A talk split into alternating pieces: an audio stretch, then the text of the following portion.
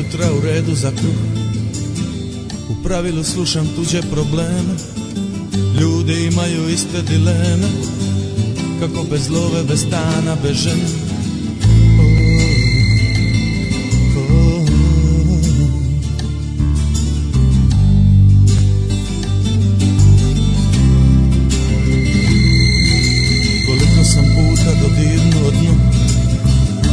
se dignuo za prazan sto Toliko je moći u njihovim rukama. Da i on bi ponovo bio na rukama. I ja imam glavu i tijelo kod drugi Nekom sam lijen, a nekome grub Znam, nije to razlog da džepova prazni. Prljavim gradom i pijem na dug Ma netko je kriv za to moje stanje. I jednoga dana naplatit ću to U jednim sam gaćama, a druge na pranje. Jedinih cipela izlizujem dno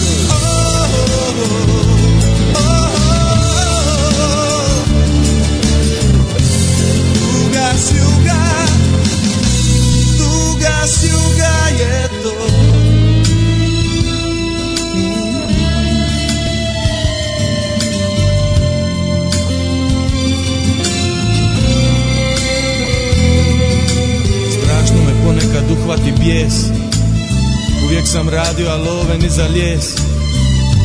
Bez obraza i oskudnog znanja Na mojoj Golgoti stiču imanja. Zaborave tko su i udru tambure Samo da nekom za lovu se dodvore A ja samo pjevam pjesmu kad osjetim Da treba nekom i na nas da posjetim. I ja imam glavu i tijelo kod drugi Nekom sam lijen, a nekome grub Znam nije to razlog da džepova prazni Prljavim gradom i pijem na dug Ma netko je kriv za to moje sranje. Jednoga dana naplatit ću to U jednim sam gaćama, a druge na pranje. Jedinih cipela izlizujem dno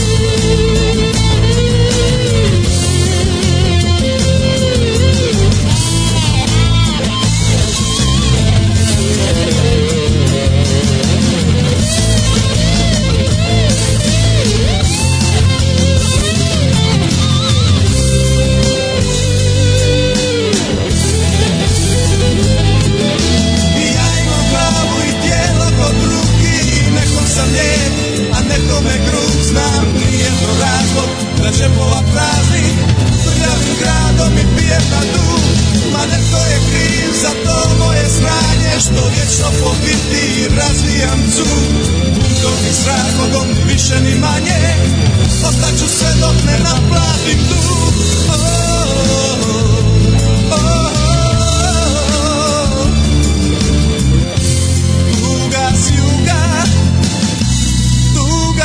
juga je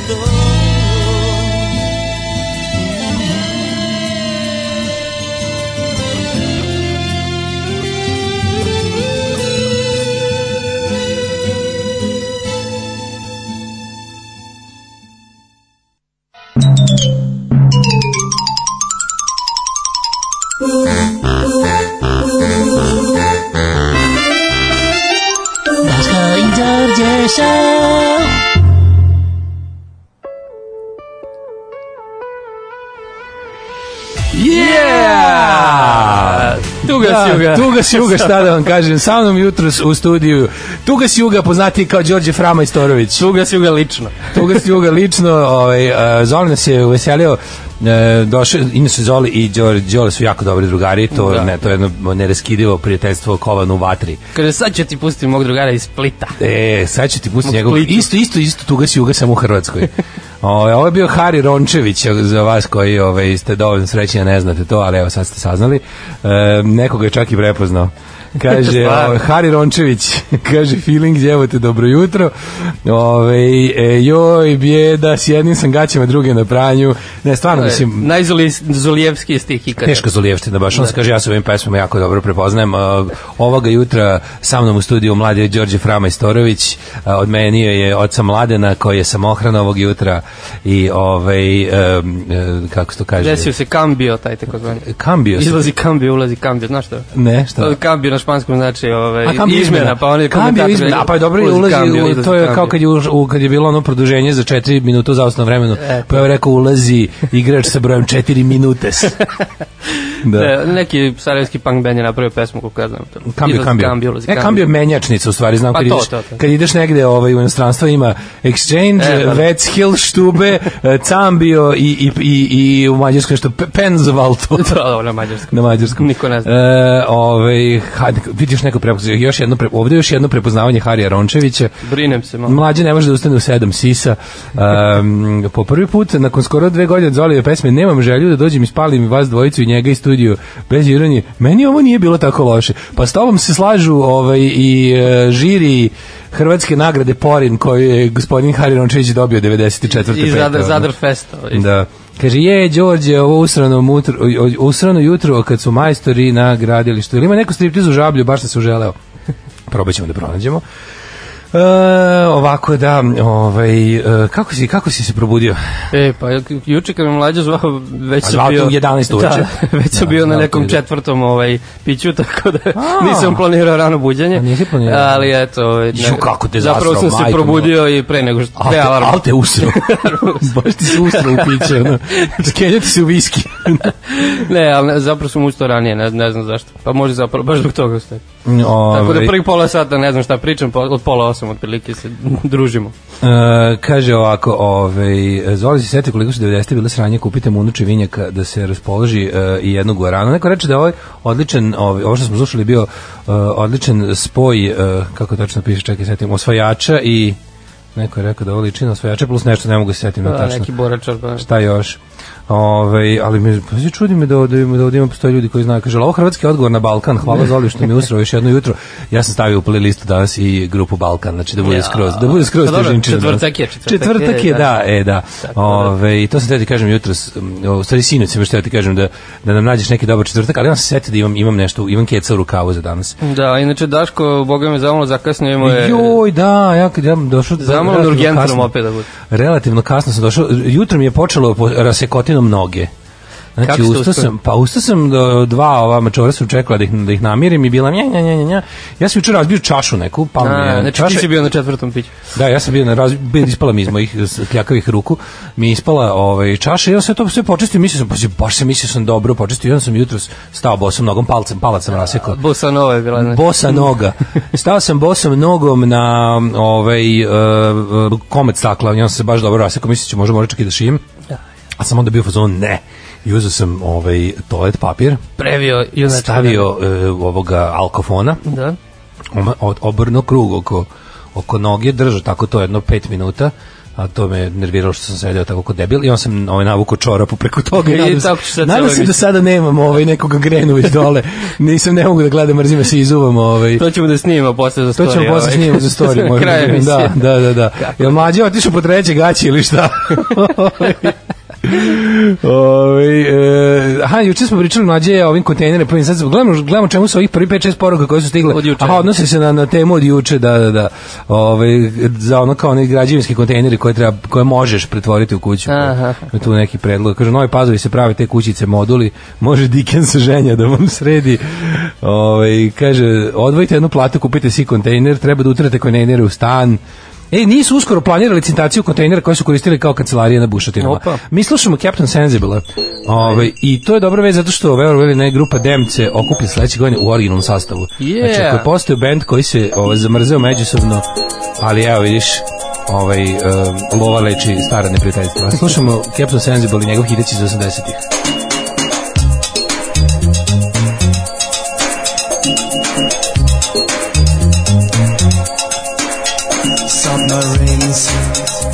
In the harbor, incognito.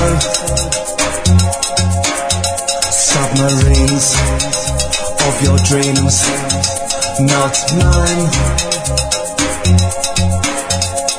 The red, red sky must take the prize for giving to the people who never, never go to war.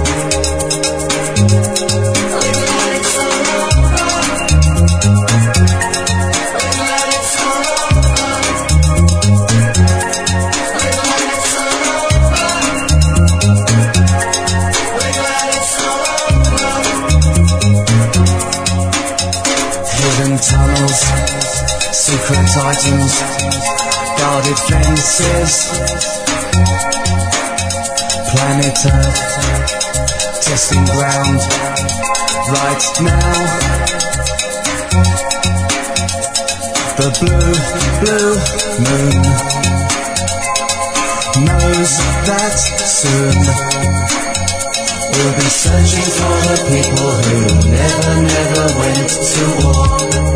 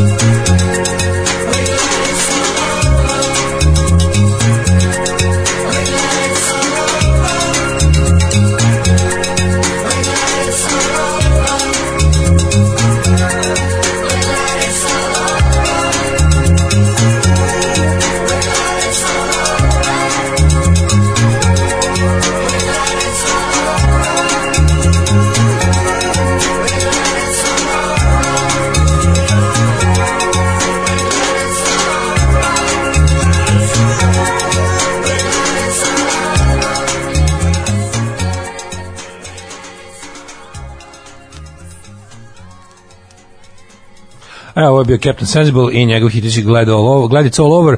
On ima onako baš jednu dobru ovaj, solo karijeru 80-ih, zapravo je bio ovaj, mnogo poznatiji kao solo umetnik nego kao član grupe Da. I mnogo je deblje mazao paštete. A šta su oni... godinama. Ovaj, šta su posvađali? Šta A oni su da- po poni, ako si gledam dokumentarac o njima, Don't You Wish That We Were Dead, jako dobar. Ovaj, pa posvađali su se, on je izlazi, ulazi iz benda, dobro, to okej, okej, manje više nego bubnjar, ovaj Red Scabies je navodno njima nešto skratio neke ovaj, lovo od roja, za pošto se na njega pisalo ne znam svašta, pa je Mislim, to je baš, ako su baš su lepo pričali jedan od drugog u tom dokumentarcu. I evo sada, kako ti kažem, inače, pošto je potpuno nevjerojatno. Znaš da su Dem trenutno prvi ove nedelje, na, um, prvi su na Stvarno? listi singlova u Americi. Ispred Taylor Swift, pazi Damned, ono, imaju 65 godina, band koji postoji skoro 50 godina, ovaj, je ladno prvi na top listi. S njihov singl je onaj, ovaj sa novi, Rockville Da, da, Files.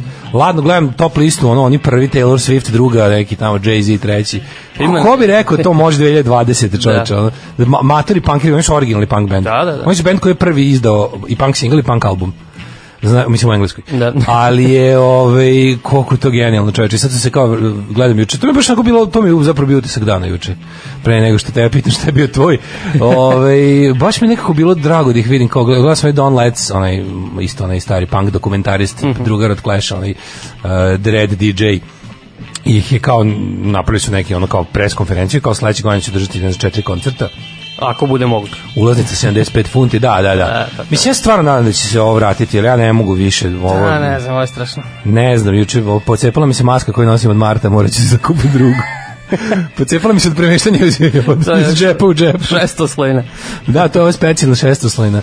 Ja u, baš nešto stvarno, stvarno furam tu jednu, ono, mulje mi po džepovima, nosim je u poštama i prodavnicama, ali mi je, ovaj, koliko si potrošio, si vodio računa koliko si potrošio masaka u epidemiji? Ja sam stvarno jednu. ono. Da, ja sam ono, tokom ovog e, takozvanog lockdowna e, sam ku- kupovao te jednokratne, a onda sam prešao posle na ove što mogu da se nose N95. malo duže. Da, da, da. A, e, te imam, te imam, te mi stoji, imam, znaš kako, imam jednu koju nosim po džepovima, a drugu imam tu N95 na kojoj su nacrtane kao zube, kao na onim avionima američkim. Mm -hmm, da. sam strašne zube sa, sa jezikom i, i šiljate zube. I ovaj ta ali specijalne prilike. Specijalne. Tamo stoji zaštekano u onoj torbici na bajku. Mhm, Da kad sam negde bajsom pa treba da uđem da kupim vode ili tako nešto. Da uđeš bajsom. da uđem bajsom maskiran, da. Da, pa inače nemam pojem, baš, baš koliko sam, ali zamisli koliko smo svi potrošili, sve Pa ja zajedno. nisam, ja, ja, ja, stvari lažem, imao sam jedan veliki trošak kad sam imao nervni slom u ovome, u Univeru na naselju, tamo kod uh, Grasa. Da. Ove, sam došao kod toga, mogu, teo sam da kupujem kupovinu i sad kao, ima, ove, treba mi ja ne masku, jer rekao dajte kupim masku, ne možete, morate kupiti pakovanje od 10, A, da, koje je- košta to je 300 sad dinara. tako, da, da. Ja kažem, ne treba mi 10, treba mi jedna Ne, može više. morate da kupite 10. Rekao, što me, što me sad ponižavate i zajebavate? Mislim, zašto to radite? Ne, kao, znaš, i onda, i onda, sam, i onda sam mi rekao, dobro, dajte mi to pakovanje. I onda sam ovako uzeo jednu masku. Pet pakovanja. Ne, dajte mi jedno pakovanje. I onda sam ovih devet uzeo ovako rasprostro ih po onim novinama na pultu i rekao, evo sledećih devet da dobije besplatnu masku. Kad uđe ovde, e, ovaj, izvolite. I Još da si snimio, ja. Ma, snimio. ne, ne, ne, ja sam, nisam to radio zarad lične promocije, Da, da. to je bilo čisto nervno restro. Da si ovo tweetovo bilo bi ono nije Da nije se desilo. nije. Pa šta nije se desilo, nije nešto mnogo nemoguće. Ono. Neka dođe baka koja fali 17 dinara za E, vinobran. e, i ti joj kupiš masku. Ako baci fali 17 dinara za vino, vinobran, neka uzme masku, neka bar bude lepo. Ove, um, kaže, dobro jutro, kuruje najviše greda, znači templari. E, jeste vidjeli šta je ludak Saša Baron Cohen uradio i Rudi u Giuliani u Novom Boratu, plako sam od smeha juče, nisam još Nisam, gledao. nisam, Jel, samo izlazi nešto treba da izađe, ne mislili su ga da izađe tipa nešto par dana pred izbor, jel tako? E, moguće, pa uskoro, da, da, to je. Kako se proveo jučerašnji dan? Fu, ono, standardno, malo, malo kuvao, malo posle uveče gledao futbol. To, Kuvo si? Kako da kažem? Šta je skuo juče? Pa, ništa, pa nisam imao puno vremena, pastu neko. E, baš naj, najbazičnije. Da, ja, ja, ja sam ovaj, uh, vidio neki recept, to kontam da pravim danas sebi. Uzmeš ono kao krompir testo, ali mnogo više krompir nego testo. Aha. Neka, ovaj, uh, kao, od, uzmeš četiri krompira, staviš, ono što kaže, u, u, u cele ih onako ispečeš u ovoj vrerni, Dobro, ne hoćeš i onda to ispasiraš, dodaš putera, dodaš malo brašna i to je kao baza, e onda u to u to stavljaš ovaj kocke ovog tvrdog sira žutog, mm Mhm. onako iznječiš to kao napraviš ono jednu Pa onako kao neku ta- tacnicu, staviš to kocku sira i onda ga napraviš kao kuglicu. A, kao I neki onda to ide, da, kao kroketi. I onda se to i onda se to u onom bečkom pohovanju, znači Mhm. uh, jaje, prezla i brašno.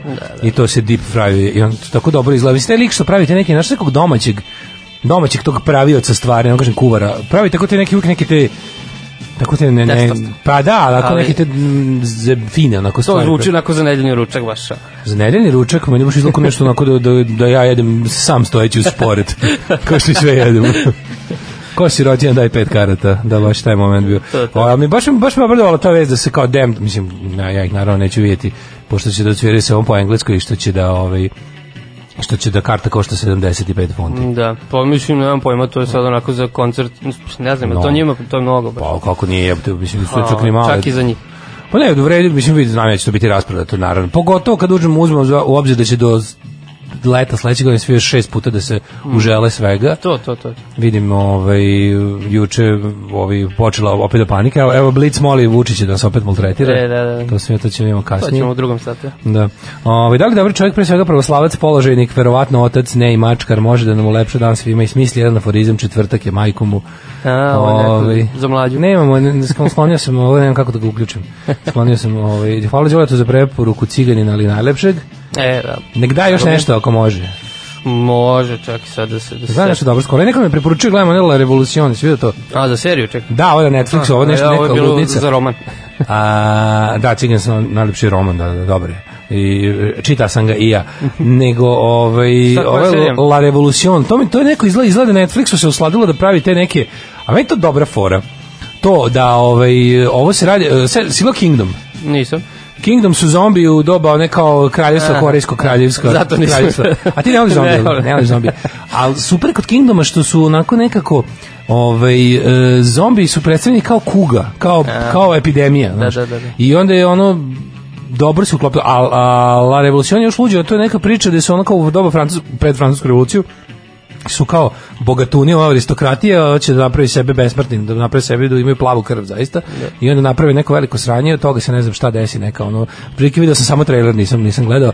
I onda tu sad ovaj um, oni oni zapravo naprave od sebe neki problem, neke zombije naprave. I sad ova sirotinja Raja, mislim da se glavni lik zove Giljotin ili tako nešto. Ovaj se tu nešto protiv kako se dobro skontao. Su kreće tu neki fight, znači ovaj francuska istorija gone wrong with zombies. Meni se meni je to dobro for pošto je imam ideju sa zombijima. Pa da, ali imam onu ideju, znaš, onaj moj film što ću snimim, što ga ono već drugi put pričam premisu, pa neka, ako ga neko ukrade, neka ga ukrade, ja ga sigurno neću nikad snimiti. Tizuj, tizuj. Onaj moja ideja kao drugi svetski rat, negdje tu ovaj 42. Nemci su još uvijek ono ide im- ide im ono Ide im dobro, dobro, im da. ide. Baš ako zajebano i holokaust je ono i sve, baš je ružno i odjednom eh, napad na vanzemaljce. Ej, I odjednom ovaj, moraju, moraju svi da se ujedine čovečanstvo. A znaš kako sam ja tu sve pod zaplete smislio? Pa ovi moraju da, pa onda ono kao, znaš, odjednom, odjednom ono crvena armija i nacisti moraju ali zajedno protiv ovih snajpera. Da li dobri ili loši vanzemaljci? Pa loši. Znaš da postoji da, da. da, odjednom da, kao napad sva zvaci da nam pomognu protiv nacista. Ono. Kao i onda se, a dobro, mislim, nacisti su svakako pobeđeni. Nego ovdje da bude varijanta da su došli kao, odjednom se kao, fore da se odjednom ovim kao Nemcima i to tim kao se desilo da. Da su oni postali celokupno niža rasa odjednom, kao više rase osvajača iz iz svemira, onda šta bi tu kao bilo, pa kao, da li bismo i da li kao da li bismo na kraju uspeli, i šta bi tu sve, mo- a moraju da izvode nekog otprilike, jedini lik koji može da smisli kako da, do, do- da ih dohvatimo neki ono Jewish scientist koji je u, u Auschwitzu, Naravno, znaš, tako da, nešto dobro, mora da bude dobro, dobro. zajebano. E, ima- ima perspektivu. Ima, ima to, mislim, Netflix bi rešio kesu za to, ja mislim. Ovaj, e, mm, Kaže, nema mlađe, pa si iskoristio priliku da kažeš nešto o finoj hrani. da, da, da. Da. Ove, slušamo Pogues Rainy Night in Soho, a onda se vraćamo da idemo u istoriju. Idem.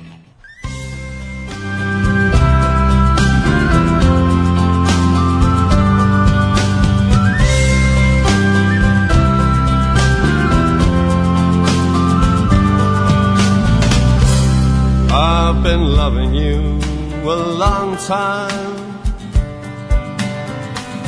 Down all the years, down all the days.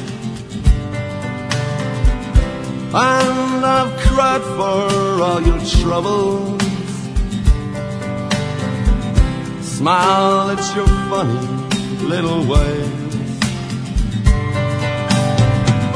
We watched our friends grow up together. And we saw them as they fell. Some of them fell into heaven. Some of them fell into hell. I took shelter from a shower And I stepped into your arms night in Soho The wind was whistling all its charms I sang you all my sorrows. You told me all your joys.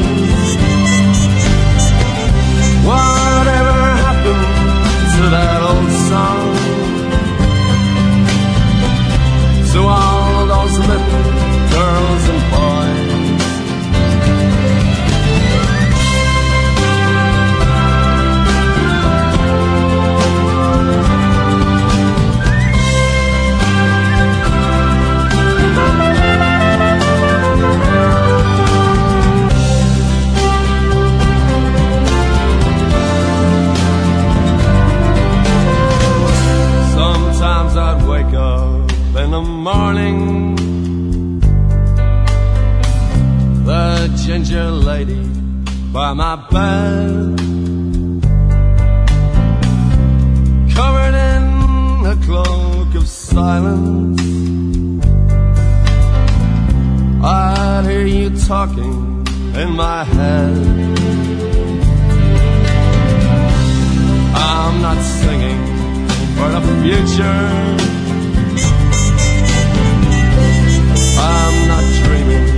Of the past. I'm not talking of the first times. I never think about the last. Now the song is nearly over. We may never find out what it means. Still, there's a lot before me. You're the measure of my truth, the measure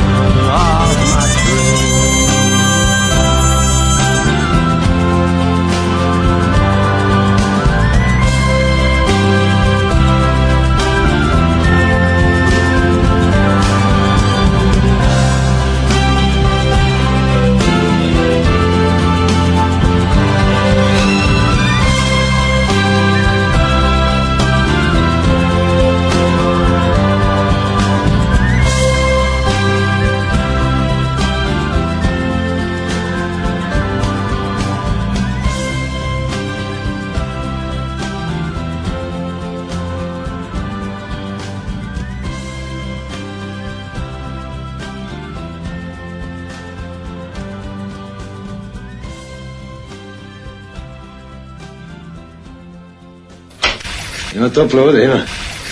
Idem.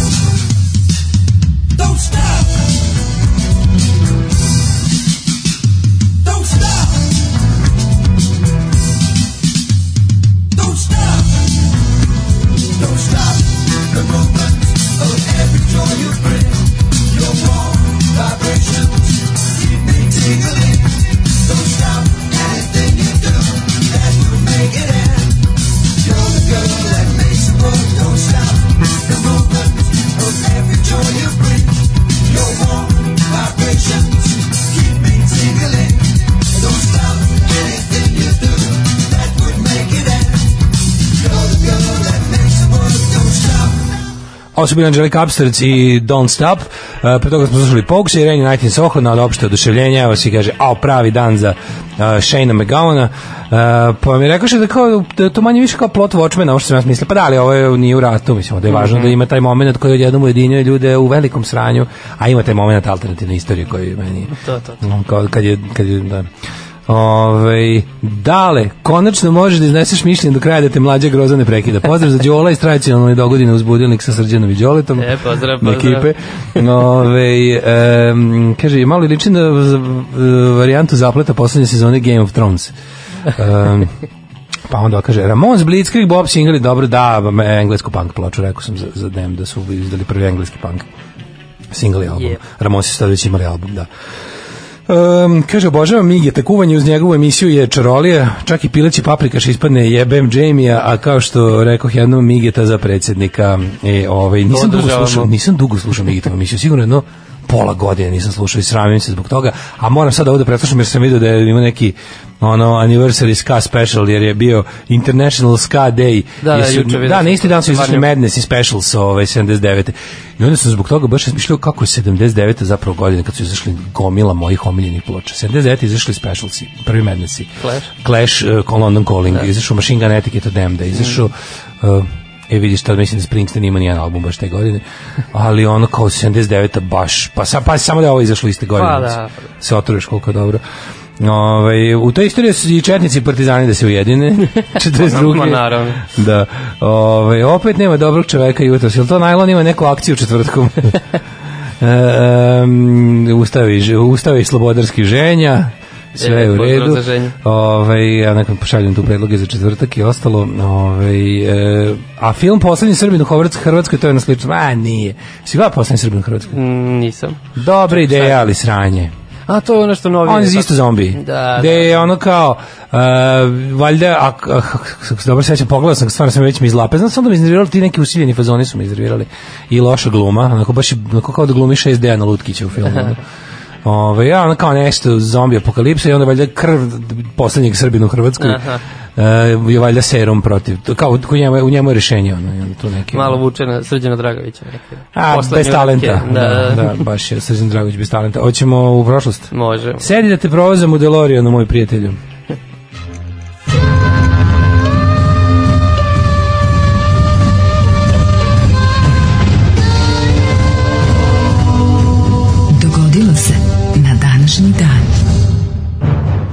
Dum, dum, dum, dum. Um, ćeš čekaj kako to sad ide. Danas je... Ja tebe da- Ti mene, ajde, sad ti budi mlađe. Da.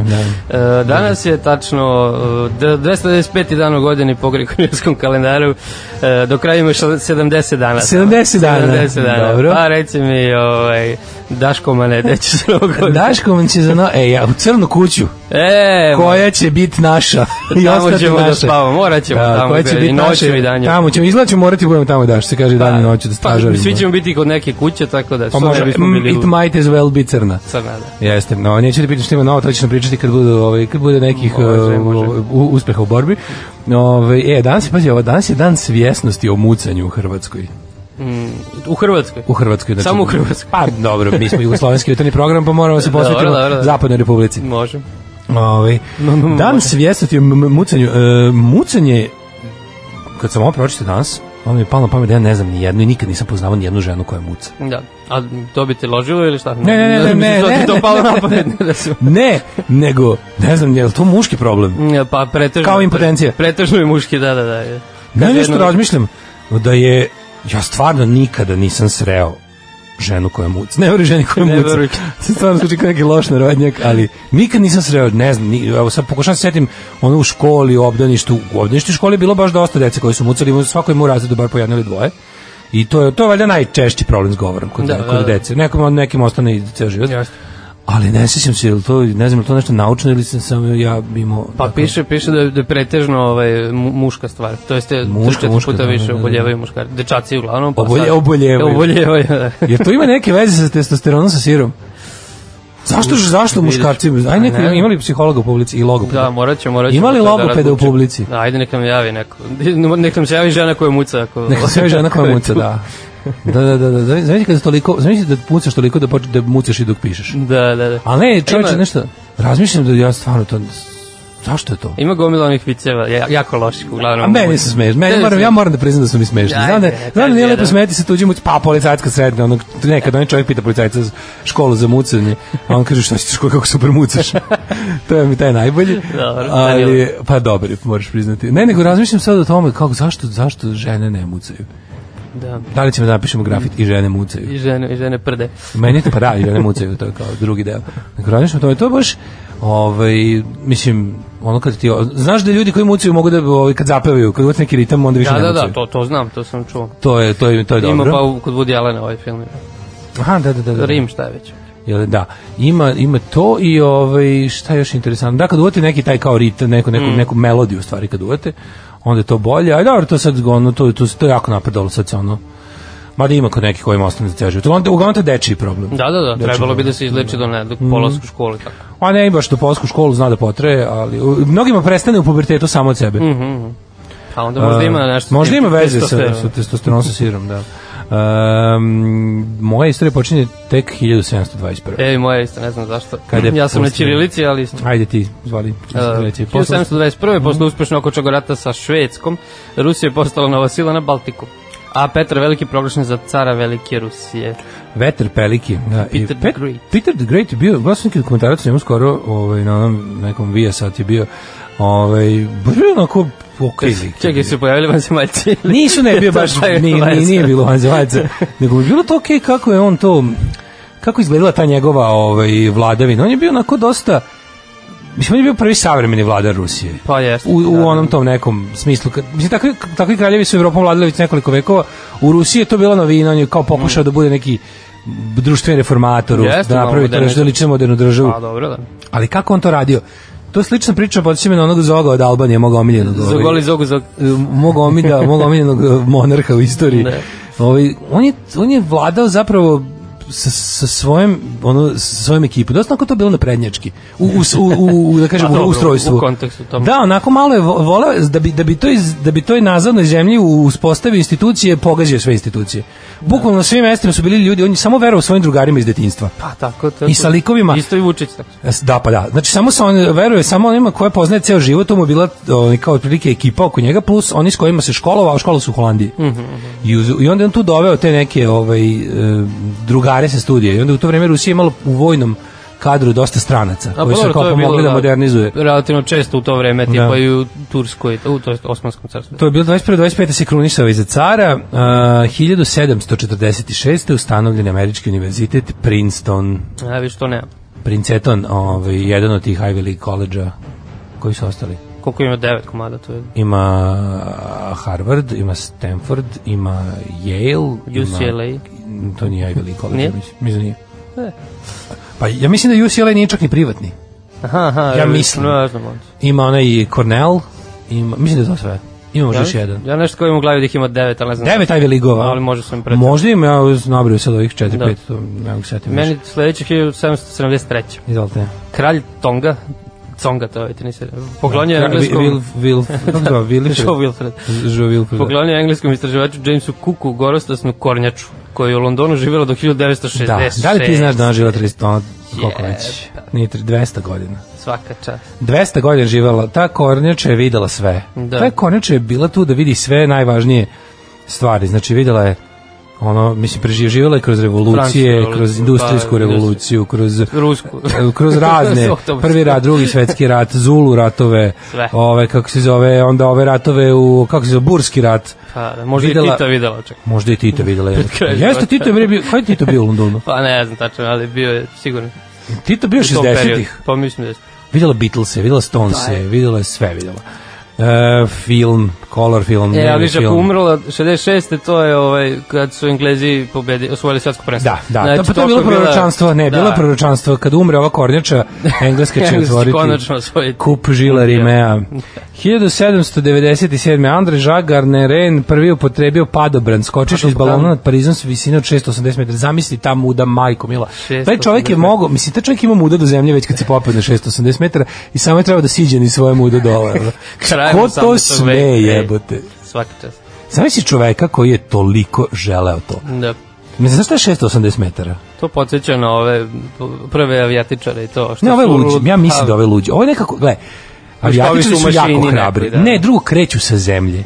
Ti krećeš sa zemlje, pa kao naj, razmišljaš da je najgore što može ti se desiti. Mada je bilo oni budalci koji kretali s visine. Da, da. Znaš, ono nešto su što skako sam prvog nivoa Eiffelove kule, pa su ga samo Da, ono, da, oprali da. sa zemlje posle. Bilo je takvih, ali ovi što su kao kretali sa zemlje, naprave pravi, pravi pravci, pravi pravcijatu mašinu težu od vazduha koja Da, će ono pol- poleteti na motor. Ovaj to je jeste hrabro stvarno, mislim. Više mi je onako tu bila neka ono istrajnost i, i, i kako bih rekao to upornost i vizija. Pa bili su oni, Ovo da, je skočio, mislim, ovo je- ovo je skočio šest, po- popi su balon, i baloni su tad bili manje više nova stvar. Mm. I kao, ja ću sad odavde da skočim i da, i da to može najluđi čovjek ikada. E, Hiljadu- 1844. Mhm. Veliko razočarenje u SAD gdje je više hiljada vernika očekivalo drugi dolazak Isusa Hrista. Da, ti ono nesvisni apokaliptični kultovi, ono gledao sam skoro neki isto neki lik je pravio kao na YouTubeu kao top 10 tih Doomsday cults. Mhm. Što je jako interesantno da ono zapravo m, najveći i najuspešniji Doomsday cult ikada koji danas postoji radi Jehovini svedoci. Da, da. Oni su, mislim, oni su par excellence Doomsday kult i, i oni jednostavno kod njih, oni su stvari najuspešniji zašto oni uporno svoju pastvu levate već, evo 106 godina. Oni, oni postoje 130, od toga 106 godina je prošlo od njihovog prvog netačnog svaka, smaka sveta. I oni su stalno pomerali to kad će biti smak sveta. Oni su, znaš, kao, tako ovaj, se To mi ponašaju. poznato nešto. Mm, stalno odlažu boljitak. Stalno odlaže se nešto. Da, A, misliš to Vučićizam pre. Da, Vučića? da, da. Dobro. A smak sveta za dve najmanje tri godine. to, to, to. I oni kao i dalje, a pazi, to je najmasovniji. Misli se da negde na svetu ima oko 8 miliona Jehovnih svedoka. Če- Više od mormona. Ne, mormona ima više, ali je ovaj ali mormoni, Mormoni nisu doomsday cult. je. Da, da, da. Nisu, oni nemaju taj apokaliptični moment. Ovi žive u prepremi za apokalipsu i oni svi su ubeđeni da će za njihovog života to da se desi. Ima si one, ove, kako se zove, znaš ko je isto? A možda ako su kornjače, možda... O, da, za njih nikad se neće desiti, ali ima onaj uh, unifikacijona crkva, Sum Jung Moon. Aha. Oni su isto Doomsday Cult. Ovaj, samo što su, no, oni imaju oko 2 miliona. Oni, oni su imali baš onaj decline in membership. Uh, znaš, oni, ako se sećaš, onaj Amway, oni proizvodi za kuću. Ne. Znaš, i deterđentovi, oni, to je bilo, ne znam kako ti ne sjećaš, to, to su moji prodavali, ono, 90-ih je to bilo kao cepter, ono, multilevel marketing. Aha, a, to, to, to. Znaš, ono, skučne promocije kon- se. Da, da, da. da Pa je taj da. Amway je bio, bili su procepteri, pa je bio onaj AMC, pa je bila, e onda se pojavio Amway, ovaj, Amway kao posle posuđene reći došli sredstva za, To, za kuću. to, to. E to je u vlasništvu Munove sekte, zapravo. Ti am, American Way. Dobro, podsjeća da se to, ta prodaja Sve multilevel marketing i meni sve kult. To je to, to je Sve te varijante da ti kao Piramidalna vrbuš- struktura, da. Da, da ti vrbuš nekog ispod sebe da bi zapravo ti, ti zarađuješ prodajući prodavcima. Da, da. Krajnji korisnici su tu manje, manje važni. Mm. Uh, 1873. da bi onemogućio Francuze da se udruže s nemačkim neprijateljem, nemački, čar, nemački car Wilhelm I Hohenzollern, ovaj, samo da vratimo instrumental, um, do, na inicijativu kancelara Bismarcka pridružio se Savezu Rusije i Austro-Ugrske. 1878. osnovna domoljubna zadruga za pomoć stradalnicima u Zadru.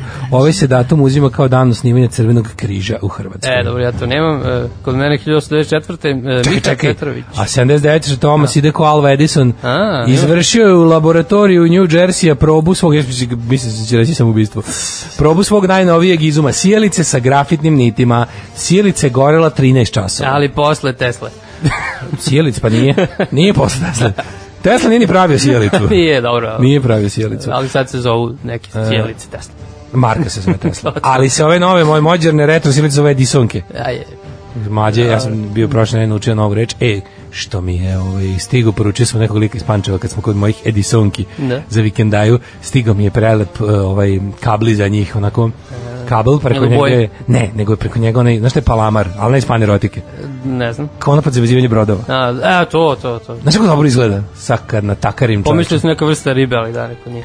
Palamar je kita u, To, u to, lošim domaćim ovaj, porno časopisima. Ja sam bio ubeđen da je to jedino značenje.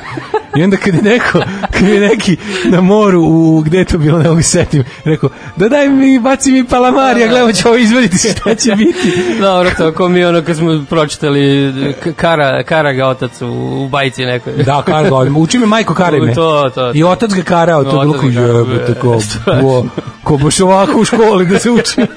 A ne, najbolje kad to napako, a stvarno mi ono koji smo, Koliko, jesi ti imao taj, je li to prošlo već kod, kad ste bio klinici, ste imali vi to da, to čitanje porno literature, ovaj, Čitalo kao porno časopisi s pričama? Da, da, da. da. Sam volao to više nego slike. Zapravo, vrlo minimalno su A mora da si i ti, zato što si ti čovjek od pisanih tako, riječi. tako, meni je to bilo zanimljivo Si zapravo. volao Bilo je tu radnje. biblioteku zabranjeno voće seks kluba i I ne, ne sjećam se imena baš. to je bilo omiljeno. Znači, seks klubov, specijalno izdanje biblioteka zabranjeno voće, to su bile najgore. A ne, naj, naj ono, kako bih ti rekao, prvo naj, najdrti, ali je bila fora što su tu kao bili neki Neko meni rekao da tu kao čak da su tu pisali neko postoji urbana legenda da je to kao čak da je tu pisao Basara nešto A, pa da onima. mogu, a to je skroz liči na moguće, njega. Da, da. E, baš pre jedno par godina smo nešto tako sedeli do, do kasno u noći uzeli jedan tako časopis čitali. Da. To je i dalje jako zabavno. kako Znači, mi je to u biblioteku Tatice Srpskog ono. To je odlično. Imamo sve brojeve smokvinog lista. Tu ima To- dobrih, to, to su poslednji trze i porno lepi, lepe pisane reči u, u, u Srbiji. To, ono. vidi se da se neko dobro zajebava, ali Da, onako, da, da. Baš odlično. odlično. Ja sam jednom prevodio naslove ovaj, porno filmova za, za ovaj Paramount eh, do, distributera. Ove, hiljada, samo, samo, ove, samo filmove. samo ove naslove, neko je prevodio filmove. E, kaže ovako, 1883. Nemam ja U Njurku izvođena opere Faust, otvorena Metropolitan opera, a pominjeni Tesla, 1887. u uredu za patente u Njurku prijavio je šest izuma, među kojima je više faznu na izmeničnu struju. E, otkupila ih je firma Westinghouse i prikazala na svetskoj izložbi u Čikagu 1893. Zašto to ima na hrvatskoj, a nema na srpskoj Wikipediji? To je to je Ja nemam. Wikipediju, ja čitam na današnji dan, Dobro, koji kombinuje hrvatsku i srpsku i srpsko-hrvatsku Wikipediju. Evo, ovdje, ovdje kod mene nema. Ali Na današnji dan je potpuno ovaj, onako suludi uređivačka politika. E, Misliš da to ima neki Pa politik? i, nemam pojma, da. Dobro, 1895. meni ide sledeća, neki voz iskočio iz šina na železničkoj stanici Montparnasse u Parizu. Mhm. I sledeći mi je tek 44. A imam i da je na današnji dan Mihajlo Petrović Alas postao profesor matematike. A, to sam pročitao, dobro, dobro, da. To je bilo 94. Da, da. Uh, treća srpska armija generala Božidara Jankovića potukla u prvom Balkanskom ratu turske snage i oslobodila Prištinu. Prišli, o, dobro. E pa to je ono kad, ta, tako, tako je Srbija dobila Kosovo koje je da, bilo da, njeno. da, jeste. Znaš. uvek. Na taj način je Srbija Sa pauzom od pet vekova. Na taj način je Srbija 1912. godine stekla Kosovo koje je od uvek bilo njeno. Da, da. Kad to kažeš, a meni najbolje što ti kada to čitaš, to sad da čitaju i srpski nacionalisti, ne bi to isto ovako pročitali. I onda im ništa ne bi bio kuršlus u glavi.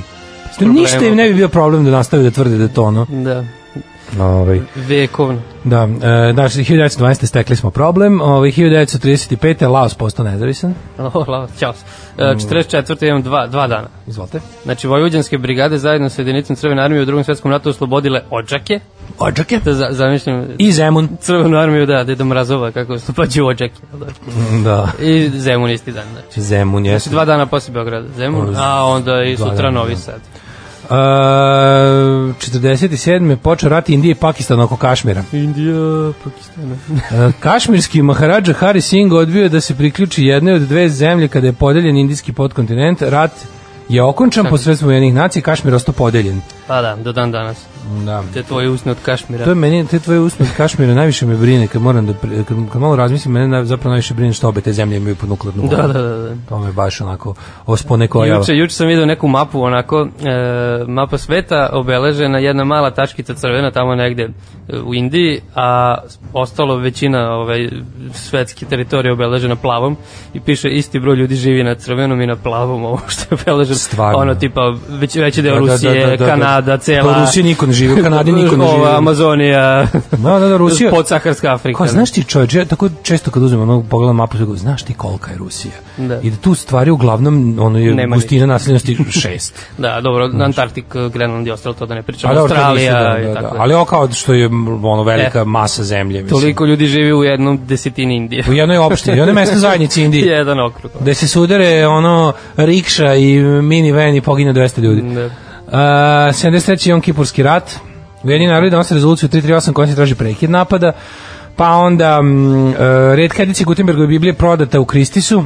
Mhm. 5,39 miliona dolara, to je bilo 87.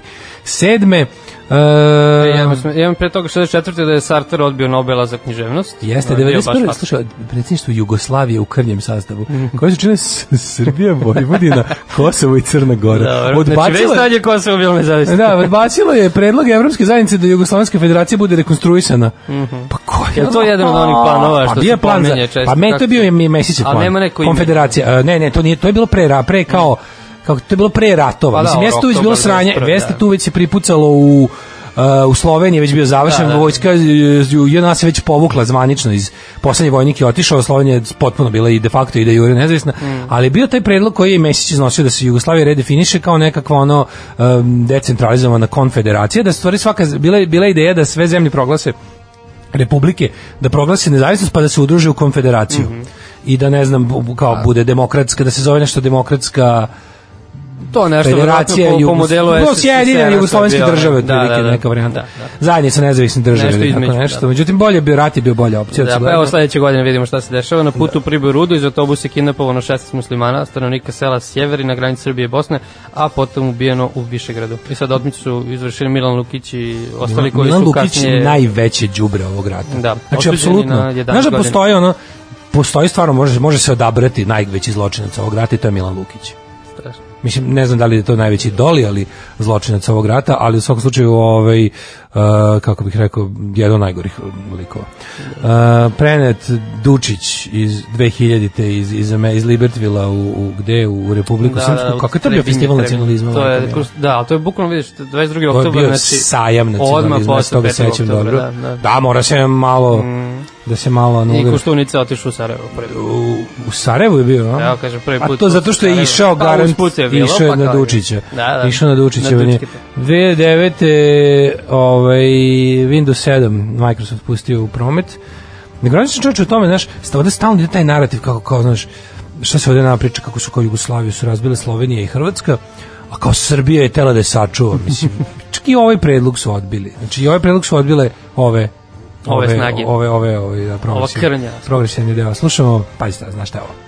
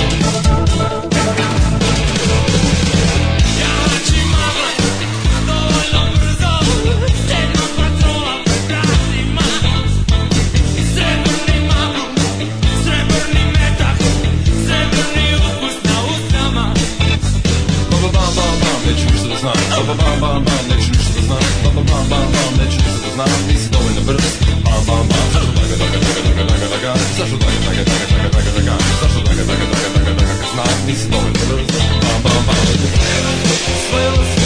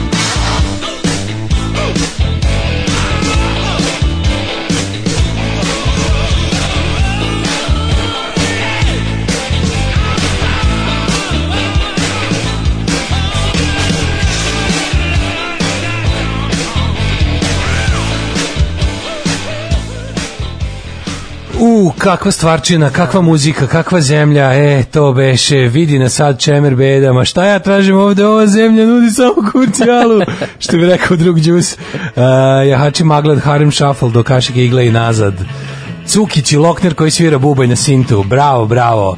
A moj deda za Bajago govorio Baljega, dobro to govorio ovaj, kako se zvao, nešto izašao iz benda, onaj što je... Ja, ovaj basista, tako?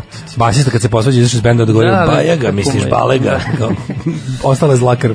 sve vas vidi širijatska policija. Cuko kod Daške, da šerijetska policija. Cuko kod Daške i mlađe, sad sam sve čula, molim vas. Cuko je ovdje bio samo vek bokal i mateč dajrama i skakač po bini. Mi smo ga jednom puštali uopšte. Taj short stint Cuki, Cukića u Bajagi kao ono čoveka koji udara dajir i skače. Šta, šta je to trebalo Bajazi? To je bilo samo na ovom albumu. Ali dobro, Cukić, neko vidi da mu je drago. Da, da, ne postoji čovjek kome, znači, ja jako volim da sam na bini, ali ovaj voli 10 puta više. Definitivno. Mislim, ti kad vidiš mene s bandom, ti ja ću vidiš da kao, evo ga čovjek koji voli da je na bini. To, to, to. Ali Cukić voli mnogo više. On čak on je na bini kad nema razloga. Ono. Uh, Nele Stamatović, gitarista. Nele To- Stamatović. Da, da, da, da. da. Ovaj, kaže, moj prijatelj nema ucu dok priča engleski. Kad pričaš jezik, da, pa vidiš. Ovaj, sad je naše jezik izleči od mučenja, dobro, mucanja, mučenja, od muca. Muči se dok A, muca. Da, muči se dok muca. A, pa ima nešto, kaže, ovaj, na dan- današnje omladini ostaje nepoznati erotski strip sa glavnim junakom Nader Kanom. Nadrka. Ti ne, ti ne znaš komplet za dnevnik u ediciju seks stripa. Ne. Imam sve. Yeah. Imam sve brojeve. Kako sam ponosan na to čoveče. Moja biblioteka Tatice Srpskog uključuje takve gems, hidden i unhidden gems, ali to imanje svih brojeva seks stripa je posebno. E, molim vas naglasite sjelica sa filamentom. Filamentom, Filamentom, da, da, da. Tesla je propala fabrika sjelica iz Pančeva. Ja. E, pa kaže ovako, ovaj, ju najbolji, najbolji, ovo, slušaj ovaj. Nikad nisam sreo ženu koja muca, ali sam zato mucao pred ženama koje sretnem. Ju, to. Sada je mlađa ovdje našo bi te i kroz, kroz internet bi ti posla šamar ovako. Posla ti ruku kroz zvučnik. Konkurencija, Da te konkurencija. šamari ono, kroz, kroz telefon. Ajde vidimo kome su, kome su rođ- rođendans. Ajde. The rođendans. Ti ili ja da. A, kad ti počinje? Ko ti je prvi? 1071. Ajde, izvolim. William IX od Akvitanije, jedan od vođa krstaškog rata 1101. Ja sam ne znam da je I quit, Anja, tako je govorio. I quit. I quit, Anja. I odlazim, u, odlazim za Carigrad. U, kad smo kod... Jerusalim. 1688, imaš nešto između. Mm, 1592. Gustav Horn, švedski vojskovođa. 1688. Nadir Bezkan, persijski šah, uh, 1811. A, Franz Fra- Liszt. Franz Liszt. Franz Liszt. Franz da. Liszt, znaš, što, šta znaš u njega? Ajde. O, Franz Liszt, se tako sada zove Ferhiđi aerodrom u, u Bešti, sad se zove Franz Liszt. Nisam bio davno. Mislim da mu je to kao što je Surčinski aerodrom postao Nikola Tesla, mislim da je Ferhiđi postao Moguće, Franz Liszt. moguće. Mada je on bio, da, piše mađarski kompozitor, ali on je nešto živio u Ja, da, kao Njemačka. pije, svira kao pijanista, Mozarta, Chopina, lista. Na, na, na, na, na, na, na. 1822. Friedrich Wilhelm Gustav Sperer, nema, kok Sperer, nemački astronom. Uh, 844. rođen Sara Bernard. Da, francuska glumica, pa onda... Ima epizoda Taličnog Toma sa Sarom Bernard. Stvarno? Da, smiješno.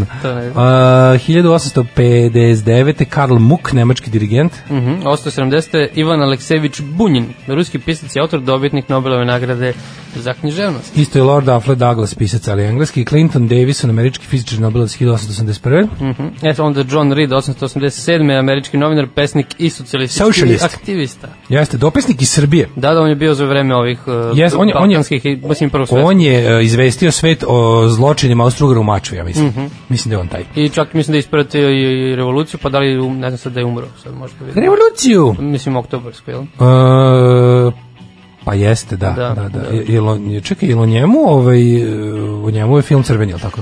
Trebalo bi da. 1913. rođen je Bao Dai. Bao Dai. Bao Dai Baba Glavu. 1919. Doris Lessing, engleska Aha. književnica. I još jedna Nobelovka, Nobel, Timothy Leary. Timothy Leary, američki pisac. Znaš e, ko je on, po čemu je poznat? po čemu? Timothy Leary, onaj, on je bio onaj guru LSD-a. Stvarno. Pa da. A, 21. rođen George Brassens. Šanson, šamponijer, šansonijer. Čekaj, koje godine? E, 1921. A, dobro, jedan posle Radovana Samrđića, srpskog istoričara, 22. 38. Derek Jacobi, Catherine Deneuve, 43. E, skočio si Lava Jašina, to... Lava Jašin to ti Ne mogu prostiti, Izvolite, 29. kolega. Lava Jašin, Da. sovjetski futbolski E, pa vidiš, danas je neko pomenuo izvesnog, čekaj da se setim kako se zove lik, molim te, izvini. Španski golman Kanjizares. Kanjizares. Da. Dobro. Poseko nogu na razbijenu bocu losiona za brijanje, zbog toga nije otišao na svetsko prvenstvo. E, jeste, jeste, jeste. Kaže, ali nisu svi pičke kon čestitke za profesionalizam. ja sam na ovo svetsko prvenstvo gluposti došao. E, je sad njegov sin Koji se brani ovaj. održava svaki dan. Ove, e, idemo dalje. Čujemo dalje da smo Moram da se vratim na ovo.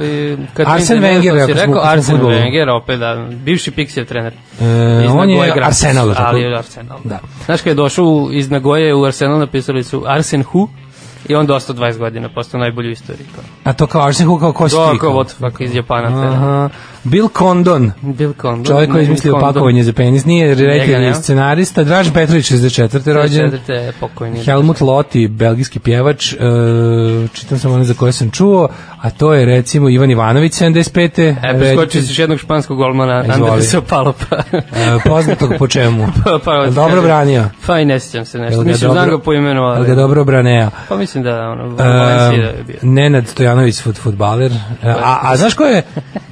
Kako se Znam ko je Alex Mari. A ko je Čazven Sofa? Kako? Čazven Sofa. Zvuči Zambijski kao neki- futbaler. Aha, dobro, ja sam već mislio neki A maratonac. David de Souza, poznati Da, samo kao da. David, Ne znam. brazilski futbaler. Za kog igrao? Pročitaj. Piše. A Donebier Aleksandar Marangon, poznati kao A, Doni. Marangona, znam. Da, znam Denija i Donija iz ovoga, kako se zove, iz New Kids on the Block. Ne, imamo smo još četvrte Aleksa Marića, australijskog košarkaša koji igra za Partizan i 87. Mikael Hansen, danski rukometaš. Jedan od najboljih na svetu. A, umrli. E, vidi, znaš koga imam još? Ajde. Ovo, možda ti znaš zapravo. Tina Blade. A, glumičica.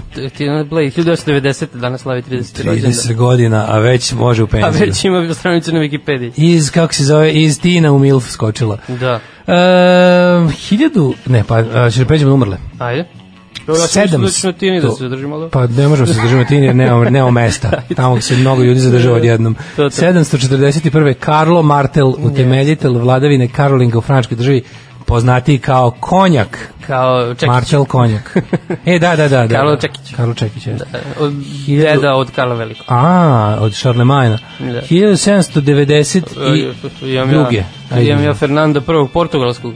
umreja. 1373. Umro Guillaume Joseph Hyacinthe Jean Baptiste Le Gentil, francuski astronom jebote koliko. Dok pročitaš. ime. Caetano Lopez Gomez. Dobro, ja imam 1906. Kad je umro Paul Cézanne. Paul Cézanne, Da, koji je slikao svoje jabuke jebene. On je Kartaroš i njegovi to. i, i, i, ovaj, i jabuke se zove. 1900 jebale vas jab, na jabuke, sad, sad ma, ovo malo duše. Kada Čava Ravdić kaže, na ti jabuke, pa na ti jabuke. 1927 je Boris, Bora Stanković. Boris Stanković. E, to znam, u Nišu je bilo ovaj, uvek dve...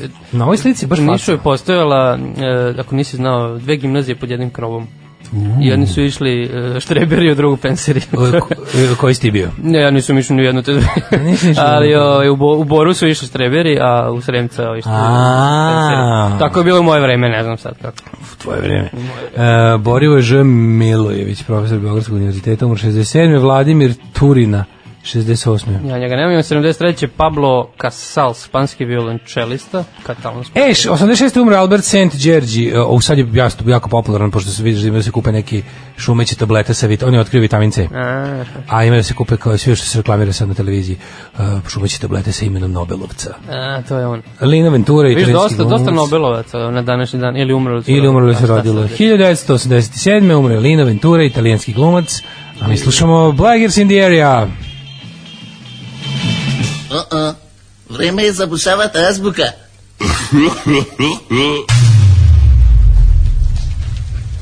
Chop chop chop chop chop chop chop chop chop chop chop chop chop chop chop chop chop chop chop chop talking about a talking about a revolution.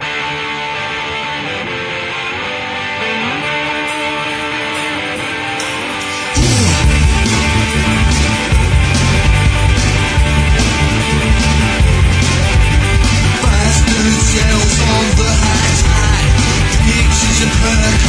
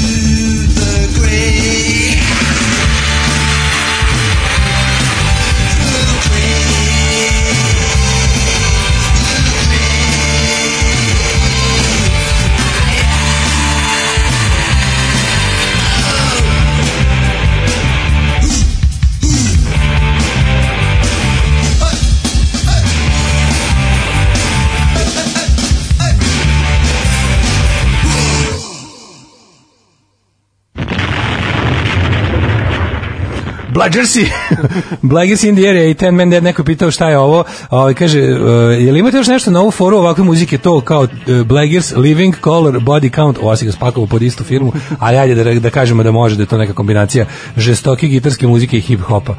Ove, bio je Cukić na prve tri bagine ploče, E, koje- ali da li ga nisu pokazivali. Znači, sad kad malo bolje razmislim, ima ga bekove njegove, čujem i, u- i na na Držali su ga u podrumu. u, jeste, s one strane, s druge strane, s one strane jastuka, sa druge strane zakona. Uh, da, kaže, E, dragi moji kurovlasnici malih i srednjih penista, otkrio sam pod stare dane Britance Idols, pa nisu to pod stare dane, oni su aktualan band i sad im izašao novi album. Pa ne, on je otkrio, pod njegove stare A dane. pod svoje stare dane, rekao pod njihove stare dane se otkrio njih. Da, verovatno. Jesu oni s naše strane, drugo iz pokreta, naravno da jesu full, dobro su, totalno, dobro su. skoro su naši. Novi album Ultramono, izašao, Rave, Rave Reviews, Hmm. što bi se rekao, znaš ti šta je, mene uvetila neka, neki optimizam uvetio da kad prođe, pa sad moju, moju ovaj, Ničim izazvani, ne znam čime tačno to baziram, ali imam, imam neki osjećaj da će kad prođe ovo sranje, da se gitarska muzika vrati. Kako si to povezao sad, Sad ću ti kažem zašto. Imam neki utisak da, da, da je ovim rokenima najteže palo što ne mogu da rokenišu i da će da bude ono unleash hell, kada jedno bude moglo, kad krenu gigs ponovo, koncerti, da će da ponovo da će da se to odrazi, nadam se, i na, na top liste i set liste i na radijske playlist. Mislim, nekako, imam se da ljudi kad, kad se onako, kad se u, usede, kad su onako, kad postanu učmali ovako, nije, kad se u, ulegnu nekako, da im treba gitara da ih razmrda. Pa moguće, mislim, kontam da će stvarno biti to na koncertima. Ima i ta nova, znaš, kao počeo sam da se malo više obrća pažnju na tu novu, pa će postoji nova srpska scena dobri benda. Ne ono što se zvala nova srpska scena sa onim raznim nežnim goriborima i, i repetitorima, što meni je bilo nezanimljivo i drndavo i dosadno. Ima, i ovdje, ima, ima nove drndave muzike koja je dobra. Evo, ima kako nema. Ja odlepio na onaj vizelj, jebote, baš sam odlepio. to Znači, sve, sve naše mušterije u, u crnoj kući. E, pa da, da, da, da, da. Meni mora, meni mora neko isto onako da mi, pošto me- meni, tu sam već vidio koji sam matori prdonja, mora, mora neko da mi to onako lepo, kako da kažem, da mi to onako lepo polako predoči da bi ja to prihvatio. Ima, ne ima, krivo što nisam ranije. Ono. E, ovaj Šajzer Bitter Lemon isto odlično. E, Vision mi je onako baš za koplje iznad svih ostalih. Pre, pre, pre, pregledao sam celu tu novu scenu, ovi su mi baš ono, kao neki ja znam, ne, ne znam da su oni uopšte slušali, ja znam da su oni vjerojatno slušali više Arctic Monkeys i tako tu muziku da im je to, ali meni to podsjeća baš na 77 Punk, ima baš dosta Adverca, ne znam, Baskoksa, ne znam koliko su ti klinci to uopšte slušali, ali su, O, ja ali su, da slušaju. ali to super, super zvuči. No, ovaj, uh, hoćemo li da vidimo, kaže, bit će ponovo kupljanje Red Uniona, da, i Regmana, zajedno ćemo držati veliki povratnički koncert, da će svi povraćati. Uh, ćemo da vidimo vreme. Može. Češ ti da budeš mlađa, a ja da budem Daško. ajde.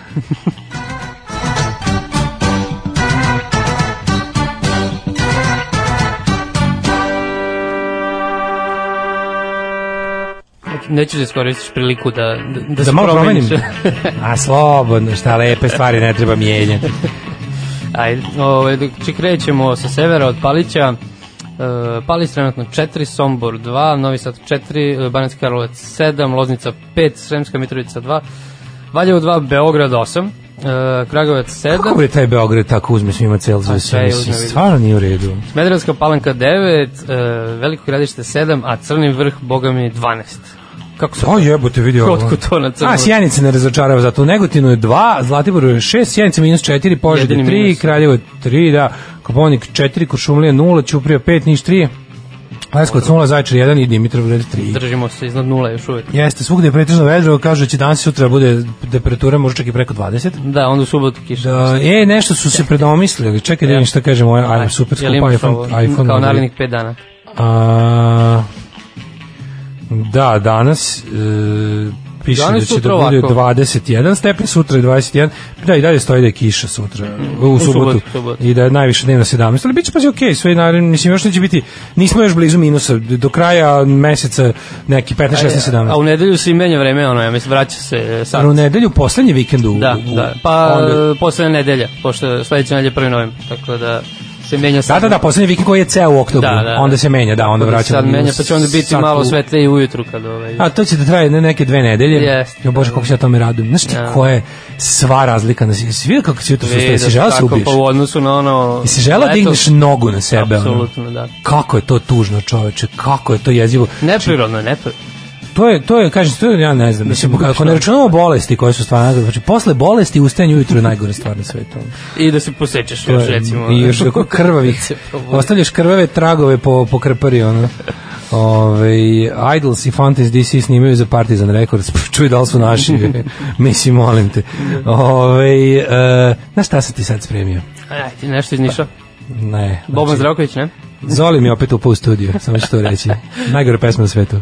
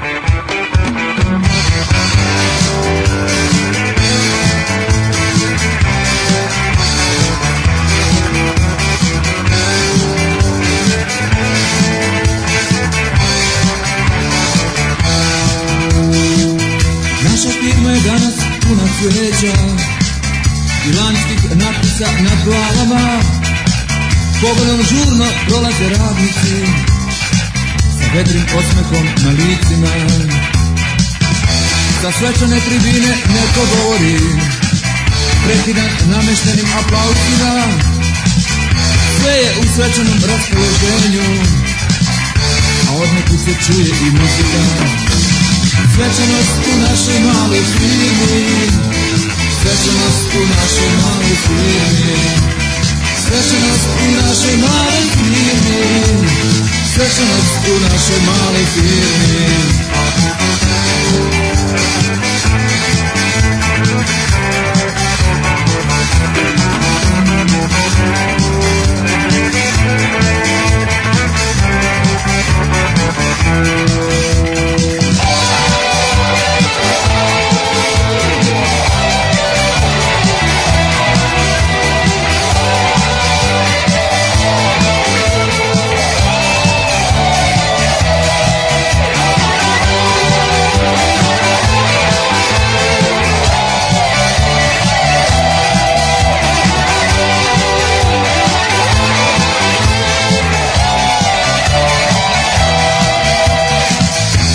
Ugledni gosti i rukovodioci zatim odlaze na prijem u skupim stranim automobilima, a radnici igrajući kola u pogonu. Danas će popiti više nego obično. Svečanost u našoj maloj firmi, svečanost u našoj maloj firmi. Svečanost u našoj maloj firmi, da, da, svečanost u našoj maloj firmi. Svečanost u našoj maloj firmi Svečanost u našoj maloj firmi Svečanost u našoj maloj firmi Svečanost u našoj maloj firmi Svečanost u našoj maloj firmi Svečanost u našoj maloj firmi Svečanost u našoj maloj firmi Da, da, danas svečanost u našoj maloj firmi Svečanost u našoj maloj firmi Da li može bolje od Kako ovoga? nam se podigla. Ovo je dobro, znači, ova pesma diže. Borbena gotovo se Ovo- podigla. Gotovi smo borbeno. Znači, borbeno smo gotovi, može slobodno da se kaže. O, Hitčina. Kakva hitčina, grupa Balkan. Ovaj prvo ponadao sam se, opa, Evo ti vidiš, toliko smo se ovo zanjeli. ušli smo u fazon skroz. Skoro smo pustili jednu da Tanja Pjević došla do mikrofona. Ovaj kaže, ono mi topli oko srca. E, ja se ponadao za vrane, vrane, do duše, to nije Zoli, ali ipak. Danas izlazi novi album Valentina Boškovića, molim vas da se pogleda. E, vidio sam neki kao, ovaj, kako se zove, single. Da, ovaj, a kaže ovaj site Socialist Company Generator. He, he, kad smo mlađi još bili Socialist Company Generator, kad smo još izmislili elektropoljoprivredu i jugo jugo srbo metal kop iz ovaj paklištice. Da, meni Tako da ne- ne, ne- super, super. Kaže, slavi se, nema mlađi da kuka i viče. Ovaj, Svečanost u našoj. Maloj firmi. I uvek radim popodne i kad ne navijem alarm, ustanem u 11 i propadne mi ceo dan. U, ali ti propadne ceo dan. Šta imaš, šta radiš, šta radiš od 7 do 11? Zbog toga ustanem u 7 bez prave potrebe, mada da mi nema vas teško da bi izdržala, tako da hvala. Da li je loše ovo bila inspiracija za Suadu? Ma, to mi pusti. Veterničani oštri čakija i se čekuju Daška ispred studija posle ove izjave. Izvinite, grupa Balkan je za mene sve. Ja sam toliko ponosan što imam sve njihove ploče. Znači, i to, ono... Ti si vjerojatno jedini čovjek na svetu, osim Ja i Leki. njih, možda. Da. Možda Leki, možda Leki nema, pošto se selio kad je išao za Beč, možda mu nije, možda nije stigao da ponese. Ali, e, idemo mi u uh, drugi sat, drugi sat, to je naš sat. Uh, Ajmo. Korona, korona preti jače nego ikada. Na, Inače, na- Blic ima na naslovnoj strani reklamu za naš jutarnji program Alarm. E, da, platili smo mlađija reklamu, ovaj, dan su objavili, alarm, alarm, veliki Preko slovima. da. Državo zaustavi proslave dok nije prekasno. Državu zaustavi Daške mlađe. Država zaustavi alarm dok nije prekasno. Na društvenim mrežama mogu se vidjeti slike masovnih žuraka bez poštovanja mera. A viš kod mene piše najcrnji dan u Srbiji, kurir, najcrnji dan A u Srbiji. kako je Čak- najcrnji a, sam dan? da kažem, Ste vi normalni? Ono, raz- mislim, je ti primećuješ Ajde, najcrnji malo? dan kad umre Pa kad umre neko, ono. Mislim, samo on stvarno, ono, be- bez da, bez da dajem lažan optimizam, ali zar, zar se kao ne može već reći da je ovaj talas, iako smrtno, manje da, smrtno, da, odnosno da. popravlja se klinička slika i kažu lekari da je bolja klinička slika kod ovih koji, koji sada dobiju bolest nego koji su dobili u prvom talasu, znači verovatno da je atenuisu malo Da. ovaj virus, što je super. I da, mislim, znaš, ono kao, hvala lepo, ali sad stvarno više, ja, ja sam apsolutno ubeđen da više ništa zapravo ne može se uraditi na sprečavanju. Da, da.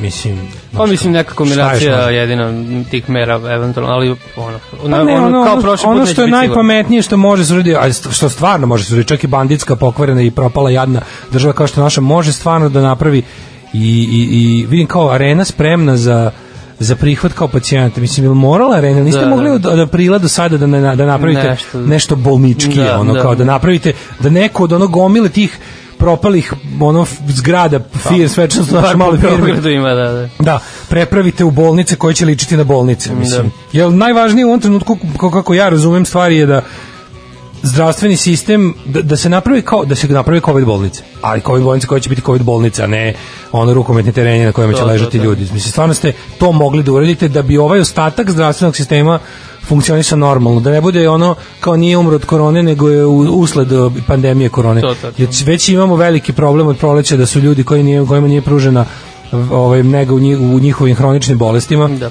Platili cenu. To ne ulazi u ovu statistiku, da. Dobro, ovdje u kuriru je nova vlada, je glavna tema u stvari, zapravo to dominira naslovnom stranom, pa se ono, licitira ko će da dobije kako koje je- ministarstvo. Koliko je meni slatko to pravljenje hajpa gde ga ne. Znaš, ono, Da. to je toliko jadno. To, svako to, Ko će da se rotira gde, ja? uvek mi je, uvek mi je, uvek ljudi koji dobijaju zadatak da hajpuju nešto, znaš, kao tipa, ej, kao, zadatak ti je da sad u medijima napraviš da ljude kao jako zanima ko- će biti u vladi. Ja mislim da tu stvarno baš nikog živog. Pa zanima njih koji se očigledno koji se ono laktaju za te pozicije. Video sam to ovoga je to. uh, Dačića su, Dačić je ražalovan. Dačić predsjednik skupštine. Mislim, jebi ga, to je pad. To je baš ono, pogotovo, inostranih- pogotovo u ovakvoj skupštini koji će biti cirkus bez opozicije. Pa ne, to je, to je, neće biti cirkus, bit će ništa. Pa Ali to, mislim, Dobro, to je, to je, to je cirkus, sad će biti baš ono. Sad će biti totalno, ono, Da, da, da. da, sad cirkus bez životinja. To, to, Cirkus ljudske bede. Ove, um, šta još imamo ovde? Imamo vreme je da zvezda opet sije u Evropi. A to večeras. raduješ. A šta ako igra? Hoffenheim, Hoffenheim zvezda. Kako možeš sijeti protiv Hoffenheima? Šta je Hoffenheim? Hoffenheim je neko selo u Nemačkoj. nisam čuo za to.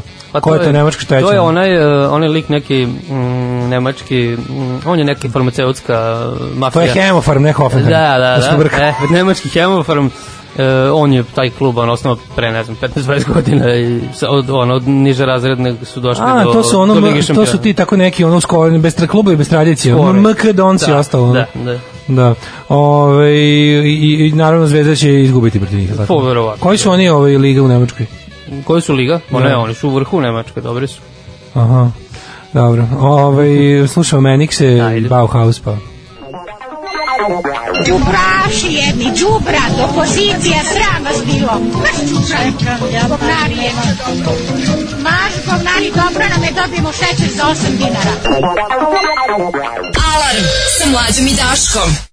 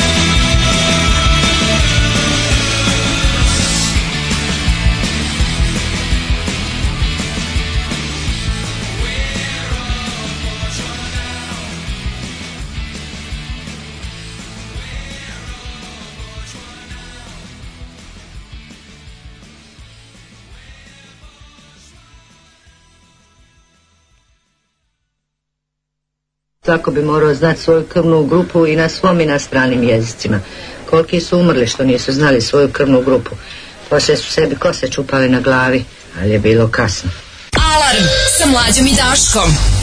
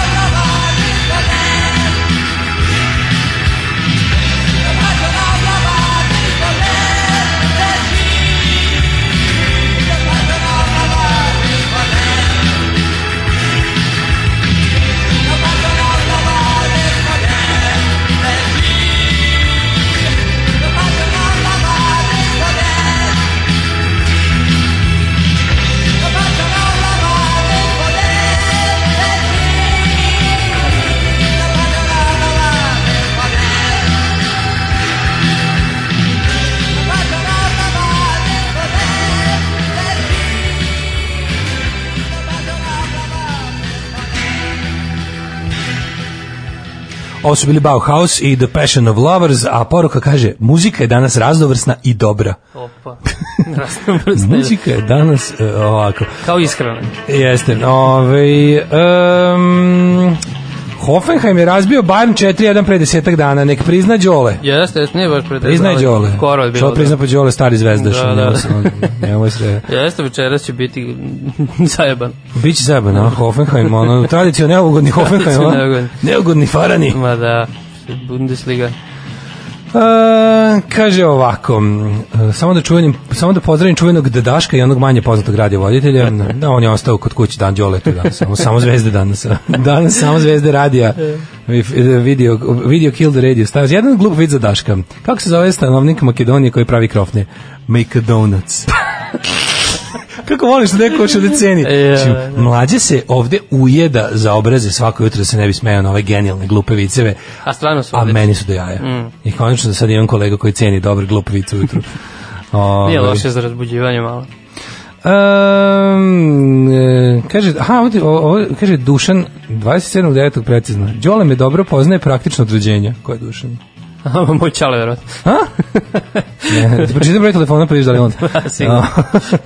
A, Praktično od rođenja. Da, da, da. Kaže ovako, arena je privatna i verovatno da mi finansiramo vlasnika arene da ležimo tamo. Nije, arena je javno preduzeće, ali ima sponzorstvo i onda menja ime u Da, da. Arena je je javna, Soko državna je, a, to je gradska je. Jeste, gradska je pa Upravnik arene njega imenuje grad, ali u odnosu na to ko je generalni sponsor, ona se zvala do sada Hemofarm Bila je arena, Combank, Štarka, Combank, Štarka, da. Štark arena, da, da, da. Da, da, Ali- Goran Grbović sad direktor ove. Jeste, jeste, jeste, jeste, da, da, da, da. da. Ovaj, e, pusti ih da pričaju da klinička slika crnje crnje, nekima, nekima nam se ne vraća da radimo iz kancelarije. Vidi Kartmana što se javio. Ljudi, idenje na posao je dobro. Ja, da, Kartmana, idenje na posao je dobro. Kako vam, se, kako vam je bolje da radite od kuće? Stvarno ne, ne kontam, ono. Meni baš, ne znam koji je tvoj stav o tome, ali meni je, Pa, mislim, ono kao odlazak na posao važan deo Tako je, tako socijalnog momenta, ono, i uopšte, ovo je, meni je ovo jezivo, ovo je dodatno otuđenje, ovako već mislim, ono, zavisi, znaš, ko, ko gde radi, ali kao... Mislim, ovo, ovo to ide opet ide na ruku kapitalistima. Isto, pa da, mislim, isto da nije prirodno. To. Nije prirodno, kuće da, odvratan, mislim, apsolutno. stvarno izvinjavam se, baš je grozan. Ove, um, plinotvornica, to je ono kad metanišete u studiju. E, ovako, ovaj, šta je tebi neko bio utisak ovih dana? Ja zaboravim se mlađem da prokomentarišem juče, tamo mogu danas sa tobom. Hoćemo- Uh, Vučića, Vučića, Vučićevo polaganje venaca. Da, da, da. Ti znaš da se prekjuče. već, već jedno kako da kažem, ovde jedno već uh, pa 30 godina se ono sistematski revizion, re, revidira istorija, revizionizam je ono može se reći dominantan narativ u javnosti, Pa pogotovo nove istorije drugi svetski rat naročito. Da, svim što je to 90-ih počelo još bilo i od opozicije ovaj, forsirano, a ne, ne Pa samo... mislim tu od- to je naš naš naš nacionalizam i revizionizam nisu uopšte uvijek induku, nisu ne možeš kriviti ni jedan posebno od režima. Da, da, da. Pazi, To je 90-ih kontinuitet, to je kontinuitet 90 je kao režim bio navodno socijalistički, ne su da budu neki nastavljači kao sa, sa Saveza komunista Jugoslavije, međutim oni su ti koji su normalizovali i, i institucionalizovali revizionizam. Da, E, jer su jahali na talazu nacionalizma, a morali su jel da izbace taj to, to sve da bi da bi to da bi bolje funkcionisalo, morali su da izbace gomilu kako bih rekao ovaj progresivnih stvari iz, iz, iz kolektivnog sećanja Da. i, i uma naroda. I to se posle nastavilo, mislim. I ono, znaš, od kad nam, od kad nam je u, ta nova, nova, nova mitologija em, naša nacionalistička koja je našla otprilike pogodnu e, kako bih rekao pa pogodnu, pogodnu temu, a to je prvi svetski rat. Mislim, kod nas je prvi svetski rat pobedio drugi svetski rat, znaš. Pa da, ja. I zadnjih godina je to kao naš veliki rat, ovaj rat. Mislim, znaš, ti možeš slomiš srce nekom da kažeš, izvinite, ali kao ono, ne postoji ni jedna tekovina prvog svetskog rata koju mi danas živimo. Znači sve je, sve je to što kažu englezi override ovo drugi Pa, svetski rat. samo da, ne samo mi, nego da. To, to Sve mi, mi danas na živimo u svetu da, da. oblikovanom drugim svetskim ratom. Prvi svetski rat je bio velika beskorisna u svakom smislu besmislena klanica naroda. Imperialistička je, da. Poslednji sukob starog tipa, Mhm. običan naš bezideološki imperialistički kolonijalni sukob u kome Srbija imala tu kao kako da kažem zapaženu ulogu jer se jer je nekako ono desilo se da da da od nje počne da, da, da držimo pikslu, razumeš da ono da da hteli ne hteli posle budemo gurnuti kao ceo narod u to i da za interese jelo ono kao velikih sila i naše vladajuće klase izgine svaki ne znam koji već ono mislim okej to je bio zaista svako veliko stradanje og to je stvarno velika stvar ali To je bio najveći rad do tada, ne to možeš ga ono kao ne možeš stoji, ga ali- ne možeš ga ono u Ne se međunarodnom ni u bilo kom smislu porediti s drugim svetskim ratom u čijim posledicama mi danas živimo Da. Jedino što ima sličnosti su ono suprotstavljene naša stranama stradanja. i ne, naša stradanja i što smo stradanja, manje da. više se držali istih saveznika i isti su nam bili neprijatelji nama ovde. Da. Nama ovde, ali uopšte poređenje te stvari su ludo. Ovde se kod to iskoristilo da se prikaže kako je prvi svjetski rat nekakav čist nacionalni domaćinski rat. Da, da, da. Znaš, kao bog ugodni rat, taj, to je naš rat, kao to je. A ovaj su nam belosvetski avanturisti komunjere nametnule. I onda je ono, znaš, i, i na tom narativu se gradi ono, ovaj, cela ta priča i tako dobijamo, onda dobijamo, posle toga dobijamo paprikaš. I onda Pa ja nikad neću zaboraviti onu paradu za Putina koja je održana da li tri dana pre ili tri dana posle oslobođenja Beograda, Ne, a u mislim, čast to je oslobođenja bilo, Beograda. ako se ne varam, mislim da je bilo za Medvedeva ili Putin. Ne, ne, kad je Putin dolazio, kad je padala kiša. Da, da, da, da, to je bio isto oktobar, To da? je bio, to je bilo tipa 17. oktobar, tako nešto. Dođe oktobar. Da, i kiše padaju na Palmu i na... Ovo je sad dalje Mhm. Vučić sad bio PPV ili već bio premijer, ne znam, to mu je bio predsjednik, to Mislim znam da je, sigurno. to mi je bio predsjednik, da. To je bilo, znači tu su bili, znači apsolutno parada je bila povodom oslobođenja Beograda, jel? Ne, to pomeranje svega da bi se udovoljilo stranom državniku. Ali ako se Već sećaš onih e, vojnika kao što su stajali s uniformom iz Prvog svjetskog rata, Prvog znači nigde, nigde petokraka, nigde ništa slično. Ne, to su neki, e, znači, onda je bila i ona igrokaz koji je režirao Bijela u Sava centru za, za Medvedeva svoje vremena. Kad je da. krenulo ponovo, znači, posle, ajde da budemo iskreni, na- nakon kao u, u Dosovsko vreme se još više zaboravio ovaj uh, 20. oktobar sve što imalo veze sa partizanima i narodno slobodačkom borbom još više gurnuto zaborav Mm. još više su četnici ono dobili na na propulziji ono zapravo sva ta Pa i zvanično su izjednačeni tad, to je sve za vakta demokratske stranke da, Da, se ne lažemo E, mislim da srpska napredna stranka još nije stigla da napravi tako veliku zvaničnu svinjariju oni možda kulturološki to proguraju Mm. i dalje i sve to rade ali demokratska stranka najviše politički i konkretno uradila na normalizaciji Pa dobro, četništva demokratska stranka radi zadovoljavanje svojih brojnih koalicijnih partnera, radila Pa i same sebe, svašta, mislim da se ne lažemo, apsolutno. demokratska stranca ima gomila tih. Ali ima, ima onih. Mislim, kako ti kažem, one se prepune zove? restitutki. Da, da, kako se zove onaj? Pa bio onaj Boni Mitrijević, E, bio onaj, on je- on je bili su ti razni, da, da. bili su ti razni tu, razumeš, desničari, ali fora je bilo što tu, mislim, ta stranka je pre- prepuna restitutki, tu se, Mm. mnogi mladi su to se odeli, otišli su za, za, zaglibili duboko u restituciju, odaju se tome, mislim, vidio sam, upoznao sam i mnoge restitutke, to su stvarno, ako baziraju, vole, nisu tu zato što moraju, nego sami svojevoljno su upali u restituciju i mislim, već to je stvarno, to možemo, ja sam, ja sam veliki protivnik legalizacije restitucije, Da. recimo, dok sam dok sam veliki zagovornik legalizacije prostitucije. Ali je ovaj uh, fora u tome što znaš onda to kulminira krene to to to bukvalno ubacivanje i pravljenje tog ono kao blendera u glavi svima.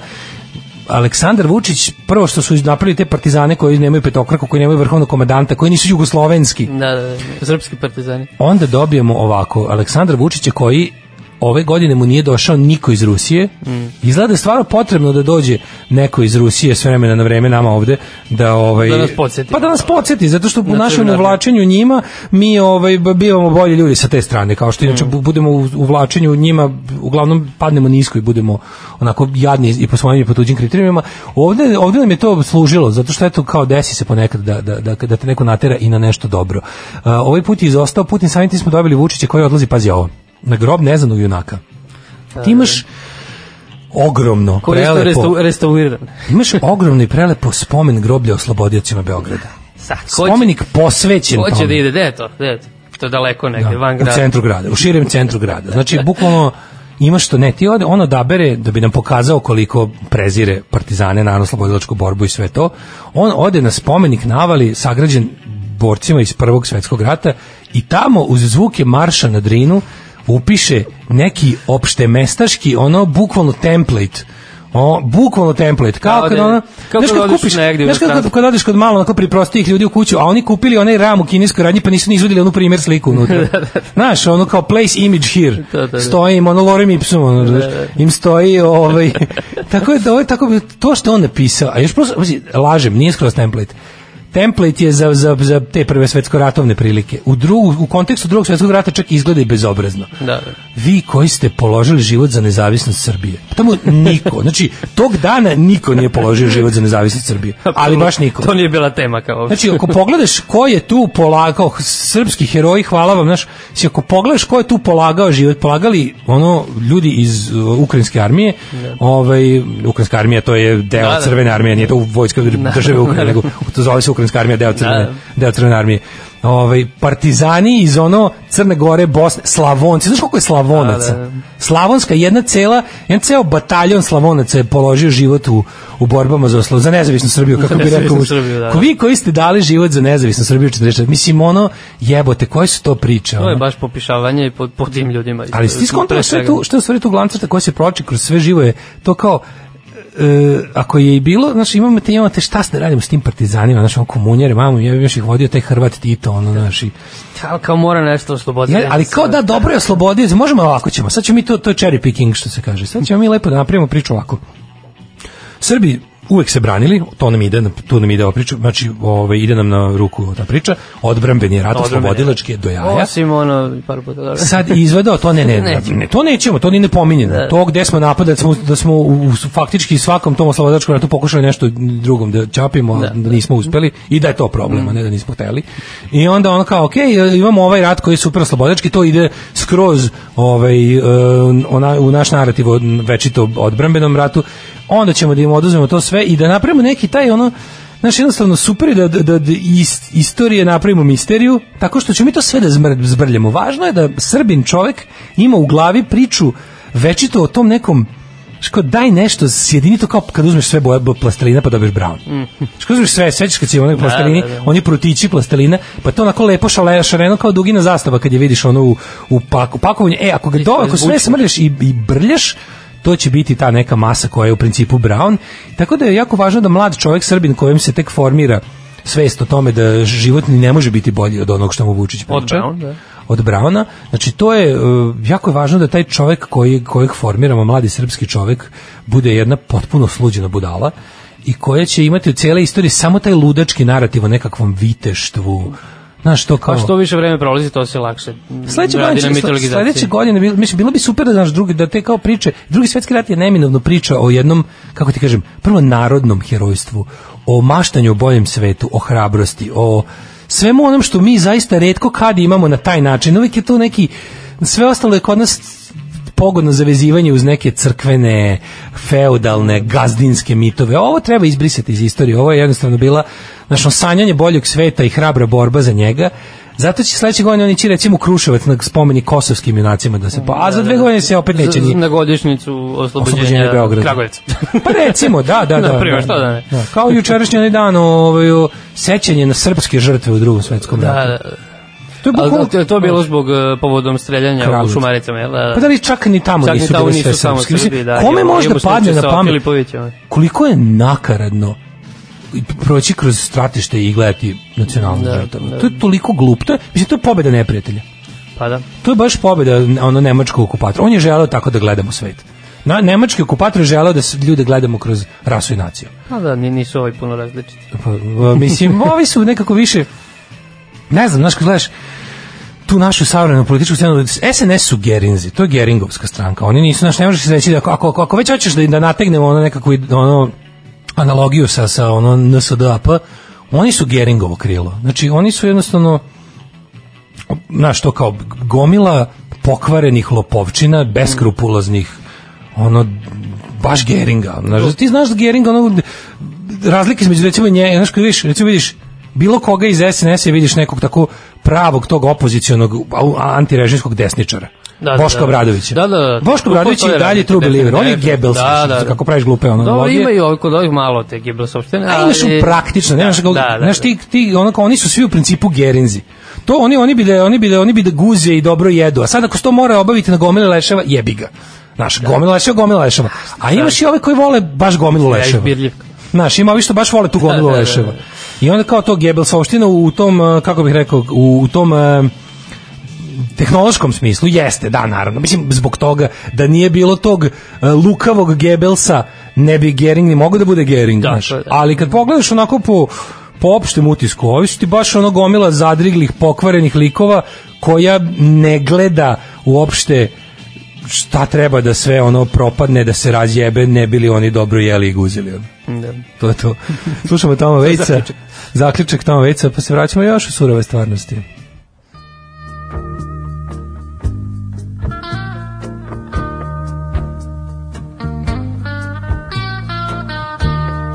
Outside another yellow moon has punched a hole in the nighttime, yes. I climb to the window and down to the street. I'm shining like a new dime. Downtown trends are full of all those Brooklyn girls. They try so hard to break out of their little worlds. Well, you wave your hand and they scatter like crows. They have nothing that will ever capture your are just thorns without the rose. Be careful of them in the dark. Oh, if I was one.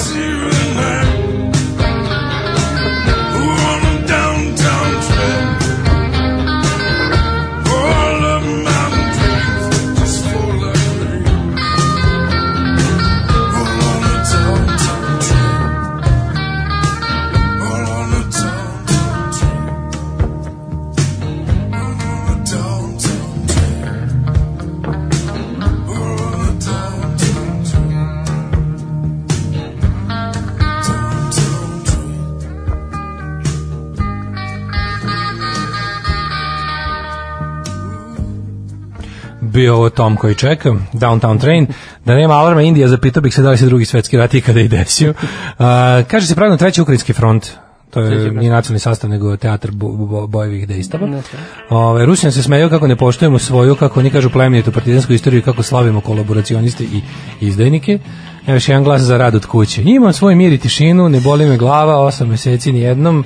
Kaže, ja se socijalizujem u svoje vreme s kim ja hoću, mada ima to i po koji kolega. Može i nerad od kuće, isto nije loše. Um, da, mislim da je u pitanju neki IT sektor, rekao bih, 100%. pošto zna se ko je vodeći antisocijalni Da, element da, da. u današnjem ovaj u današnjem workforceu Republike da. Srbije.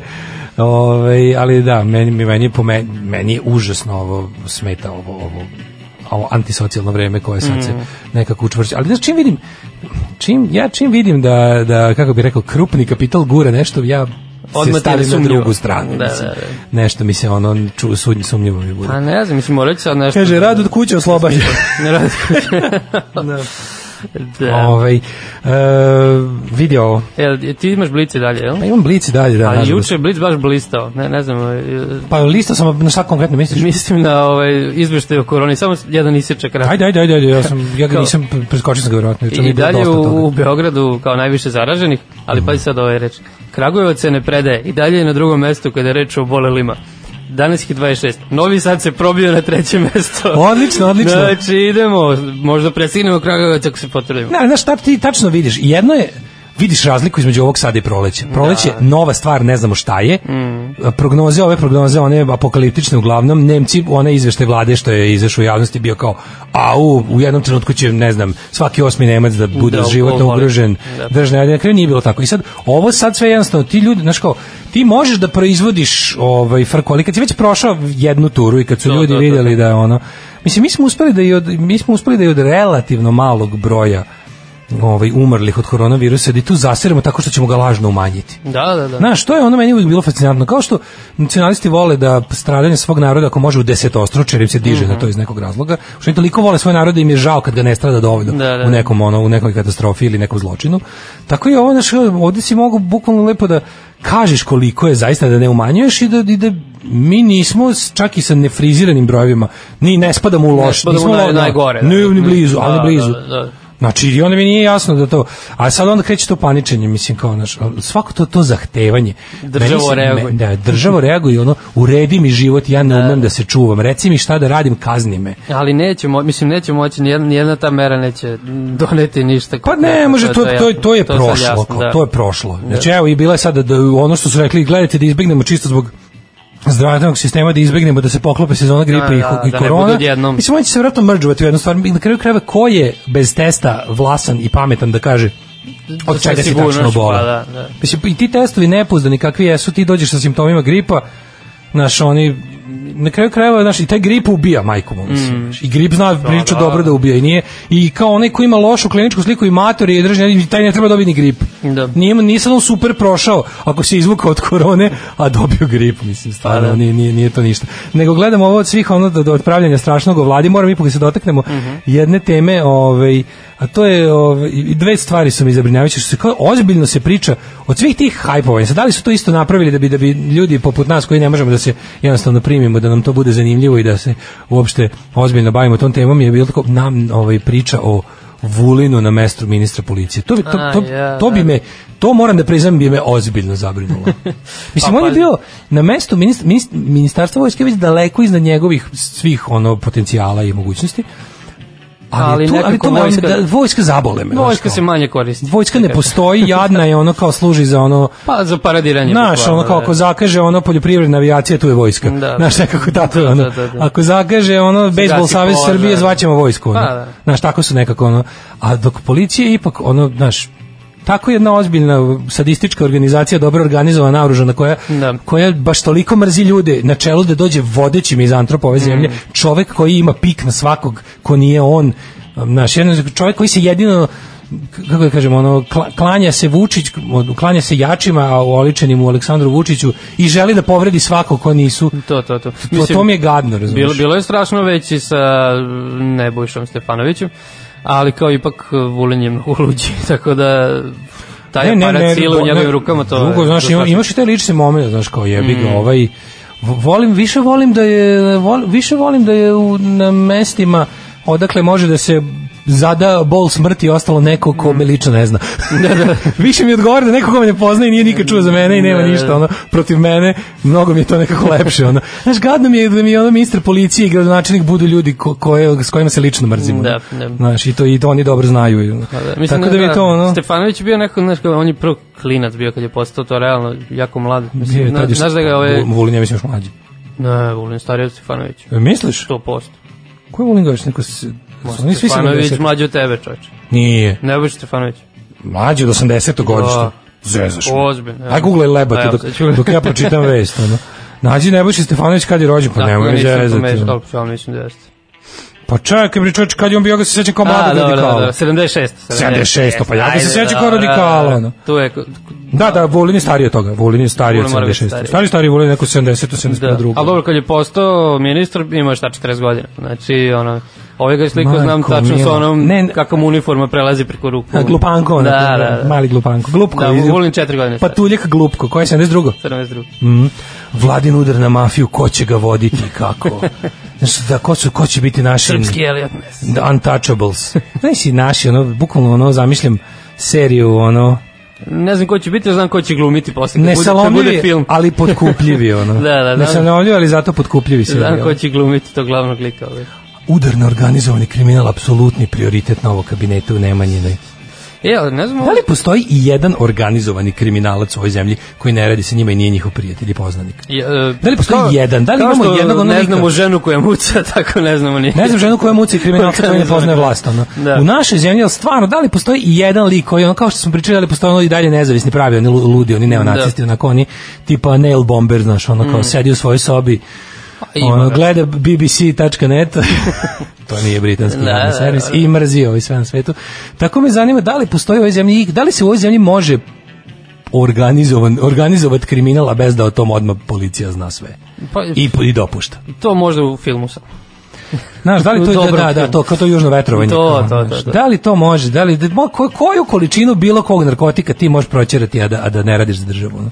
Pa ne znam. Mislim, ko konto kad se tako zapleni nešto, to a, verovatno je tri put više prošlo. Pa što neko reče, sa njima radi samo neorganizovani kriminalci. Ja A, bukvalno to. kada vidim crnu hroniku, Mm. Znači, ako je u pitanju nekakav ono što se kaže zločin iz strasti ili nešto tako, znaš, neka sitna krađa, da ako je nešto, tačno bukvalno imam, imam već onako u glavi neku kao granicu, gde kada čitamo o, u crnoj hronici o događajima, znam, ono, mogu da podelim ono kao, ono, blisko vlasti Da, da, da. socijalna patologija. To, to, Mislim, ne kažem da je on nije socijalna patologija, ali ono, ovo što, što bi bilo, ono što bi postojalo u svakoj zemlji, pogotovo u bednoj zemlji poput naše. Da. Znaš, kako, kako vidiš, ne znam, buk, ne znam, krali, Bačena bomba na policijsku stanicu u Srbobranu. to ne znam, tu je mora malo da, da, Kažu da, znam da jeste, lik ima neke prijave razne, pa da, Da lud. da iznervirao, da. da je ludo, Da. kudim.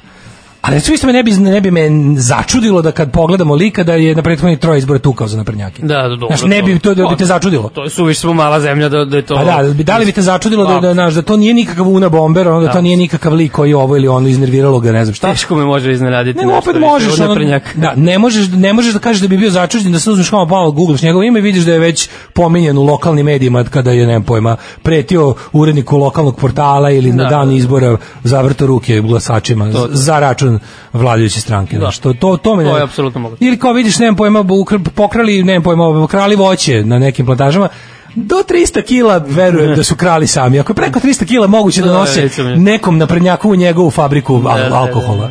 Znaš, kao, preko 300 kila je već, sam ubeđen da ima veze sa SNS-om. Pa- Ne kažem da baš svaka, ali čim malo mi za, zaliči na, na, na malo da li veći profit ili na, na logistički malo zahtevniju stvar To znamo mi iz kulture, teško je baviti se nezavisno nekim E, ajde, poslom. reci to. Isto Reci to. da čine. Reci, da. po- da li si naučio da li si naučio da prepoznaš režimsku kulturu? Te I- ja, da.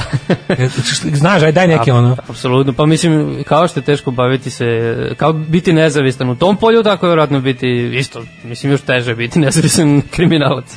Pa ja prosto ne mogu, mislim da si mi ovo s kulturom, u Novom Sadu baviti se kulturom, a ne okaljati se je baš teško. Jeste. Pogledaj sad ono, pogledaj kao to, kao scena. Pa mislim, što- mi čekamo ovu godinu sledeću da vidimo e, svečane dočeke. Moramo se organizovati Da li će što biti više- odloženo? što- Postoji šansa da bude odloženo Što 22. više štete ovaj, napravimo, Da. ja se nadam, i što više sabotaže, da što veće majmuni ispadnu pred ove, kako bih rekao, ljudima koji su im to udali i nama zakucali posljednji ekser u. Kontam da i to ono ne, ne tangira previše, ali da, naravno da se treba boriti zbog nas, a ne, ne toliko Citirao bih svoju pesmu ovaj, I feel good when I'm not on their side. To. Tako da je to uvijek. Jel, kad smo već kod toga ko je na čej strani kurir, mi malo opet, znaš da on ima povremene izlete? Kreću, ne- na iz, misliš da ti za, zavonjalo ti za, na Izvini Srbiju 3? Pa ne sad konkretno ovaj broj, ali recimo eto nema ništa u toj borbi protiv mafije. E, Pa dobro podelili možda su, evo Blic je sad za to. Da, moguće. Blic je sad za to. Ali ja, ja slučajno imam i onaj Kurir TV, pa sam povremeno hvatao i kad su bili protesti, oni su radili live-ove i onako bili su mnogo... Ali ne, nemoj da budeš, nemoj da, da, da don't, don't make that confuse you, zato što je ono, mislim, to je eh, ova, koja se opet stišala, ova svinjarija kod Telekom, mislim, kurir je Da, kupljen da, da. bi se sprečilo vrludanje.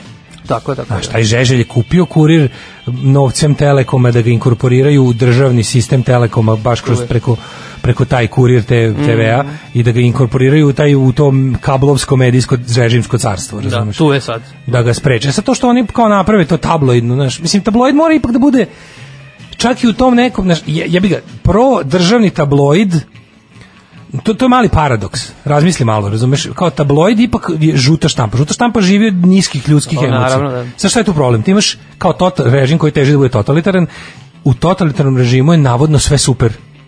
Kapiraš? I onda bi u totalitarnom režimu po definiciji stvari Onda nema posla. tabloid ne bi mogao da, postoji. Šta će informera? Ja razumeš kao Mm. u pravom totalitarnom društvu gde partija rešila sve probleme građana, tabloid ne može da postoji, jer tabloid se ipak bavi ljudskim niskostima, a one su u idealnom društvu gde partija reguliše sve iskorenjene. Da, da. Tako da oni moraju ipak da kad te to začudi da oni ipak kao znaš kao jupa izvestili su ne znam u bombi, Da. izvestili su o neredu, izvestili su to jednostavno zato što su ipak tabloid. ono. Mm. Imali su, imali su neki izlet, ali da, mislim, ne, ne, ne, ne verujem da, da je bilo kako sad ozbiljno iskreno skretanje. Nego... Uči me državo, karaj me. Da. Kaže, volim uh, rad kod kuće, kasnije ustane ne idem do firme, ne moram da gledam, ne moram da gledam ružne i siromašne kolege. Štih vlada smrdina Bežanijeva, iskus njivice postavljen kao bi ceo ljudi, mi mislimo da oni beže od kad su došli. Ma da. Ne idu oni nikud, oni prave plan, vidite, oni nisu ni malo oslabili, nažalost, oni, oni, su, oni su za sada na, na dobrom putu da vladaju zauvek, do kraja naših bioloških, svojih bioloških života.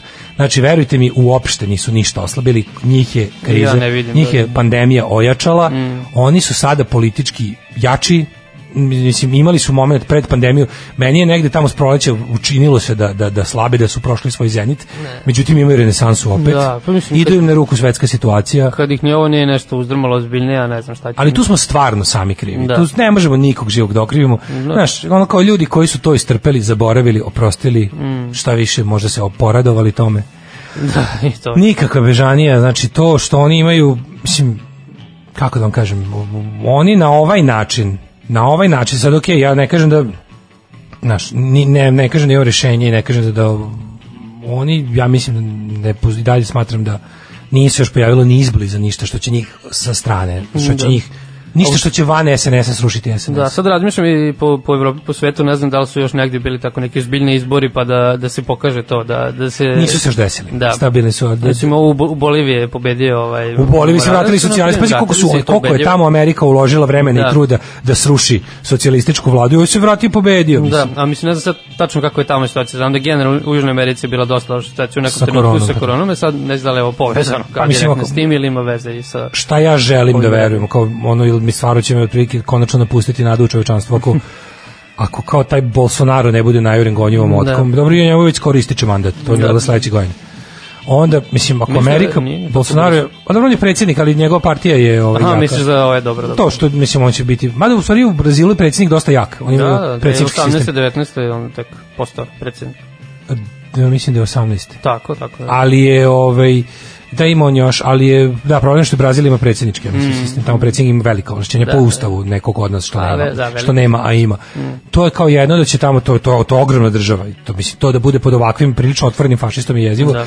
A drugo što je stvarno položen nade mislim kao kao silazak Trumpa. Ono. Pa to, to sam zapravo i pomislio na... I to, je stvarno, ipak, ako se to ne desi, onda je stvarno svet otišao mater, Da, mislim. ipak u Americi pa, Ako to vodeći su kao po, po svim brojkama. po svim brojkama. i- Mislim, stvarno izgleda da je ovaj preterao jednostavno Da, u, u kretenizmu ono, i, i u bahatosti i To bi baš, baš bi bilo porazno, kao da, da ono... Ali toliko puta sam, znaš, neću uopšte neću da neću da, da se da se postavim kao navijač jer sam jer sam toksičan po mojoj strani. Da, da. Znaš, doka, dokazano sam dokazano sam ono kako da kažem štetan po, po bilo koju stranu kojoj pružim podršku, pa zato ćutim, ono, neću Pa, da se odavno neću da se ofiram, ono.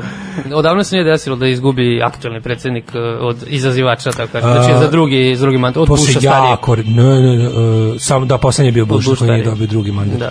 Pogotovo su, da, da, da, da, u Americi uglavnom predsjednik dobije, dva I to mandata. uglavnom dobije drugi dosta ubedljivo. Sad je, kažu to negde. A pa pazi, e, Obama je recimo glat dobio, je više pobedio na prvim izborima nego na drugim. Kad mu je ovaj Mhm. Mitt Romney bio kandidat protiv kandidat na drugim izborima bilo je tesno. Mhm, mhm, dobro. Jer su ljudi bili mnogo razočarani već Da, prvim da, da. Obamanim mandatom.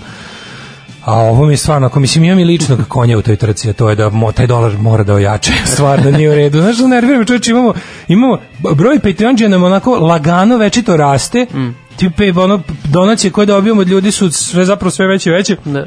A dolar toliko pada da mi je ono zadnjih nekoliko Na nuli mjeseci ste. nam plate idu nazad, Da, jebite, da. ne, pa jebem ti Trumpa. E, evo je neko dobar bend, e, dosta nepoznat, a interesantan, zove se Abs. I, ovaj, slušamo njihovu pesmicu Tom, Toes Stamped Flat. Ajde. Jesi li mu rekao sve osobine dvojnika? Pa uglavnom sve. Samo nisam jednu sitnicu. Koju? Pa da je Bečija peder. Pa dobro, sad to i nije mnogo važno, jel? Znam samo i oni ostali su pederi. Mislim da je to neka njihova organizacija. Alarm sa mlađom i Daškom.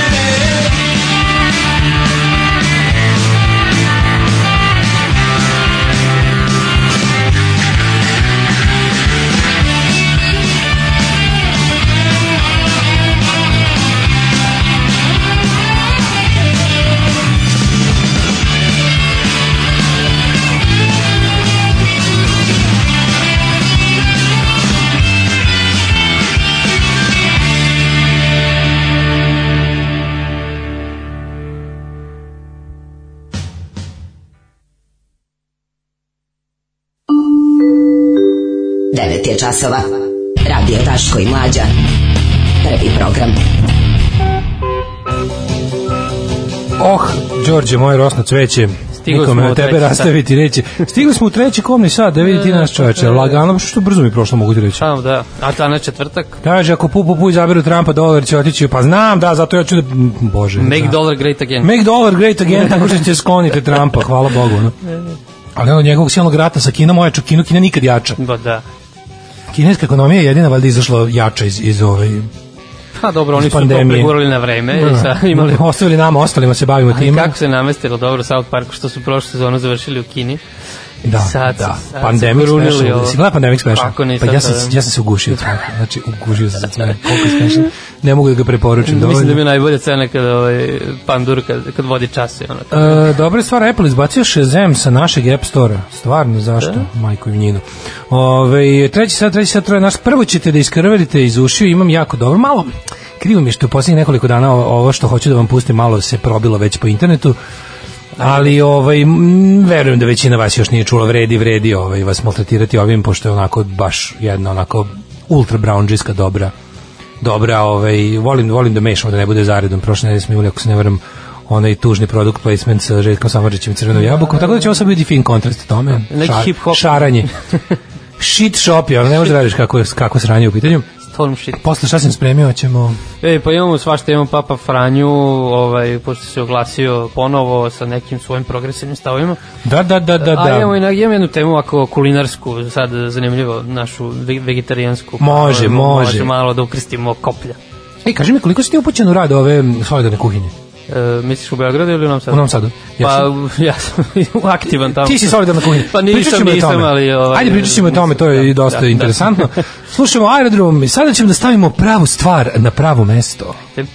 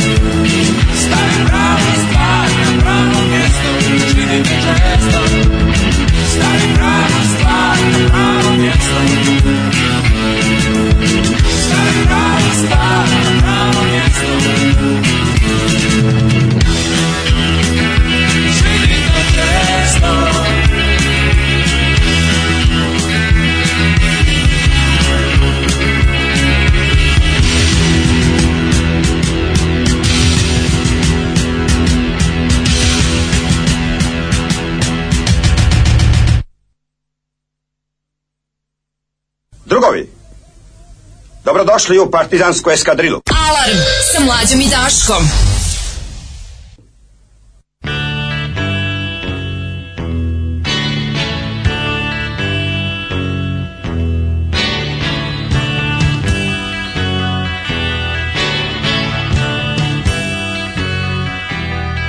Everything turn, turn, turn.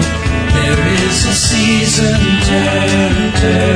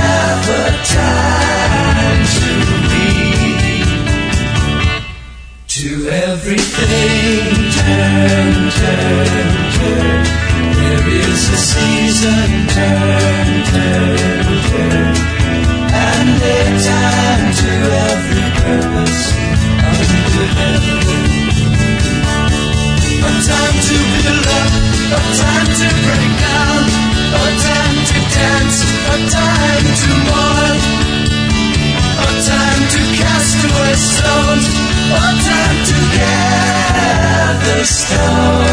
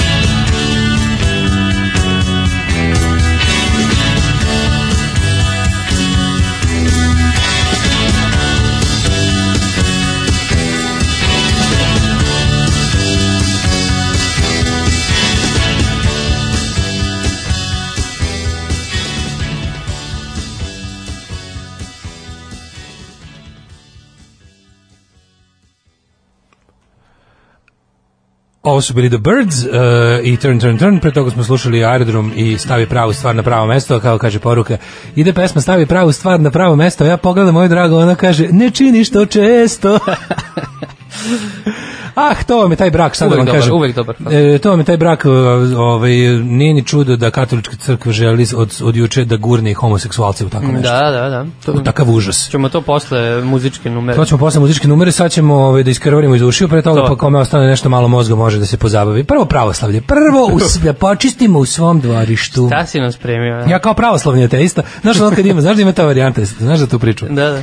Kad su, ovaj, to, ko je to pričao, da li, da li neki ono Brandon Bean ili tako, neki, neki ono irski neko iz Irske. Dobro. Je ono u vremenima, ono The Troubles, kad su bili, kad je bila ta ona frka, ovaj, e, ne ilazi, šetaš po ulicama Belfast, otprilike tamo negde ne, ne znaš u kom si delu, onom, Aha. posle otprilike cuganja u kafani noću. Naslučujem već. Već ono i ovi dolazi kao presre, presrećete grupa, Ne, ono, ne znaš liko, ne znaš koji su, su protestanti ili katolici, hoće da traže kavgu, ono, i onda kao jesi li protestant ili katolik, onda on kaže, ja sam ateista.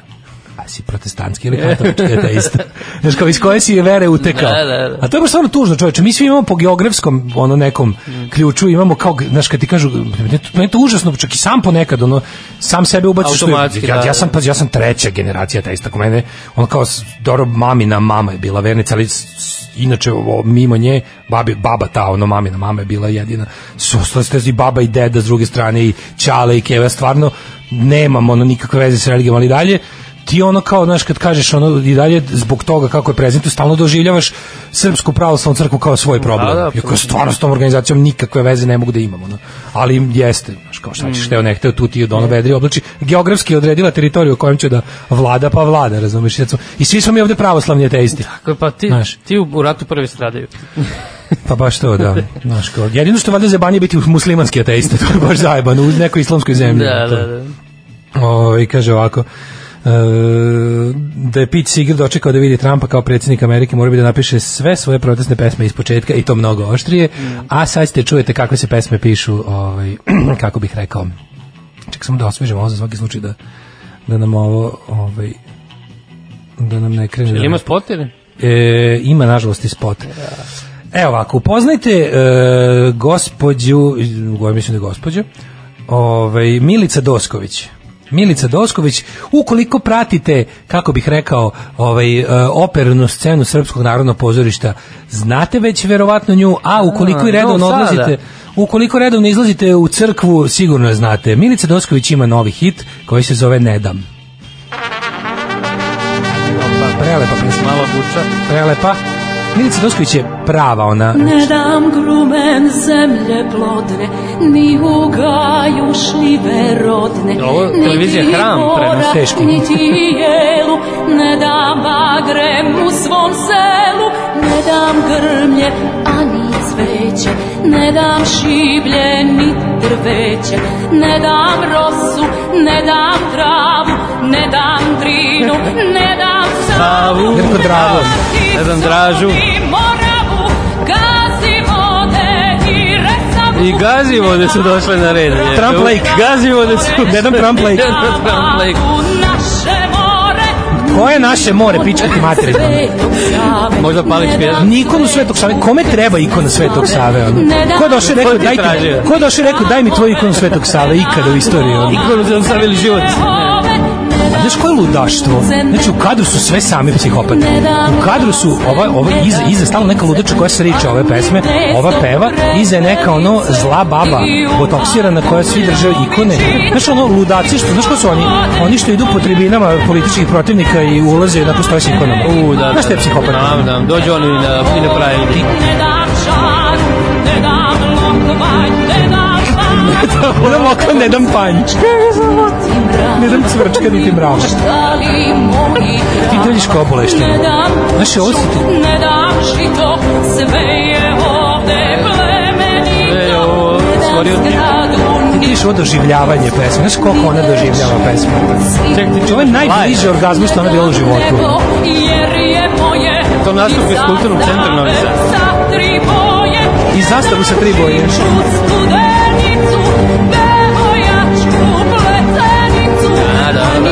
Ovo je, ovo je himna brownđistva, čovječe. kaže konačno šta stvarno ne znam. Ni dečane. Ni kudaše. Ne da kudaše.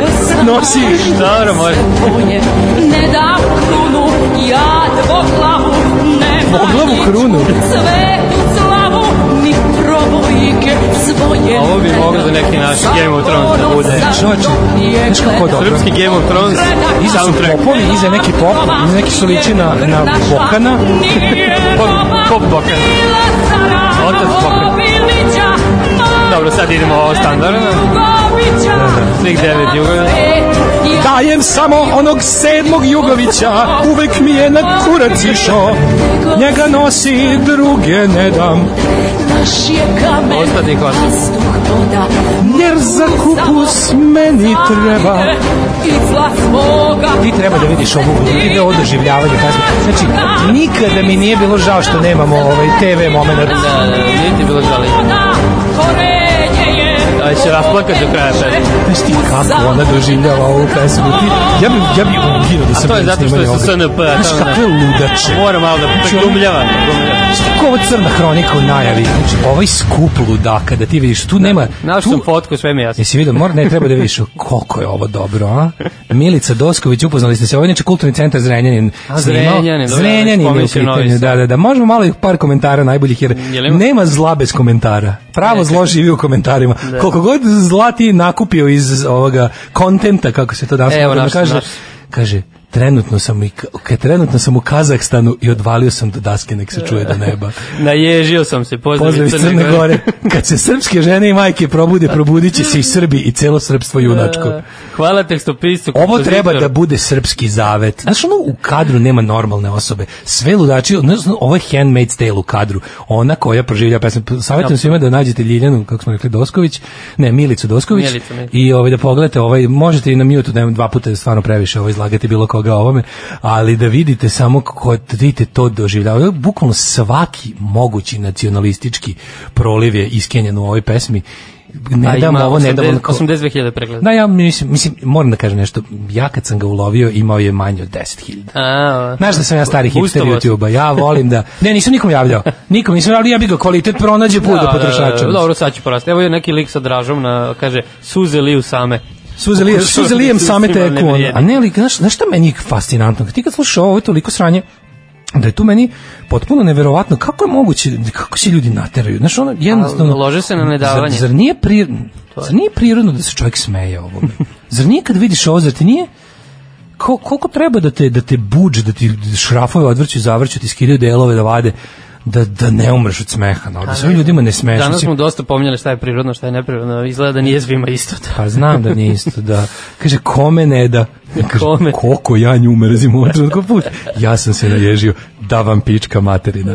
U šta li će sva ta deca odrasti? Sedeo sam preko ove godine sa ovom osobom u savjetu roditelja predškolske ustanove. Nije mi ostalo lepo i uspomeni. Ne čudi me da, da peva ovakve budalaštine. A kome na kraju? Pa to ti je kao, to je kao, vidi, jednom kada sam konačno ovaj, Boban iz Ritma Nereda, znaš Ritma Nereda? Da. Ti znaš da večiti protivnik pes, ono, kako bih rekao, u pesmama Ritma Nereda su neki oni. Da, oni hoće, oni, ne daj se njima, oni, i oni su, ali oni, ja su ti damo njima, oni, dok oni, oni ti njima, oni, nemoj ko oni, oni, oni. Da. Znaš, i onda kao, znaš kao, Bobane, ko su to oni? Onako pogleda, kaže, sistem. Znaš, tako i ovo ne da kao... Oni ne dam, traže.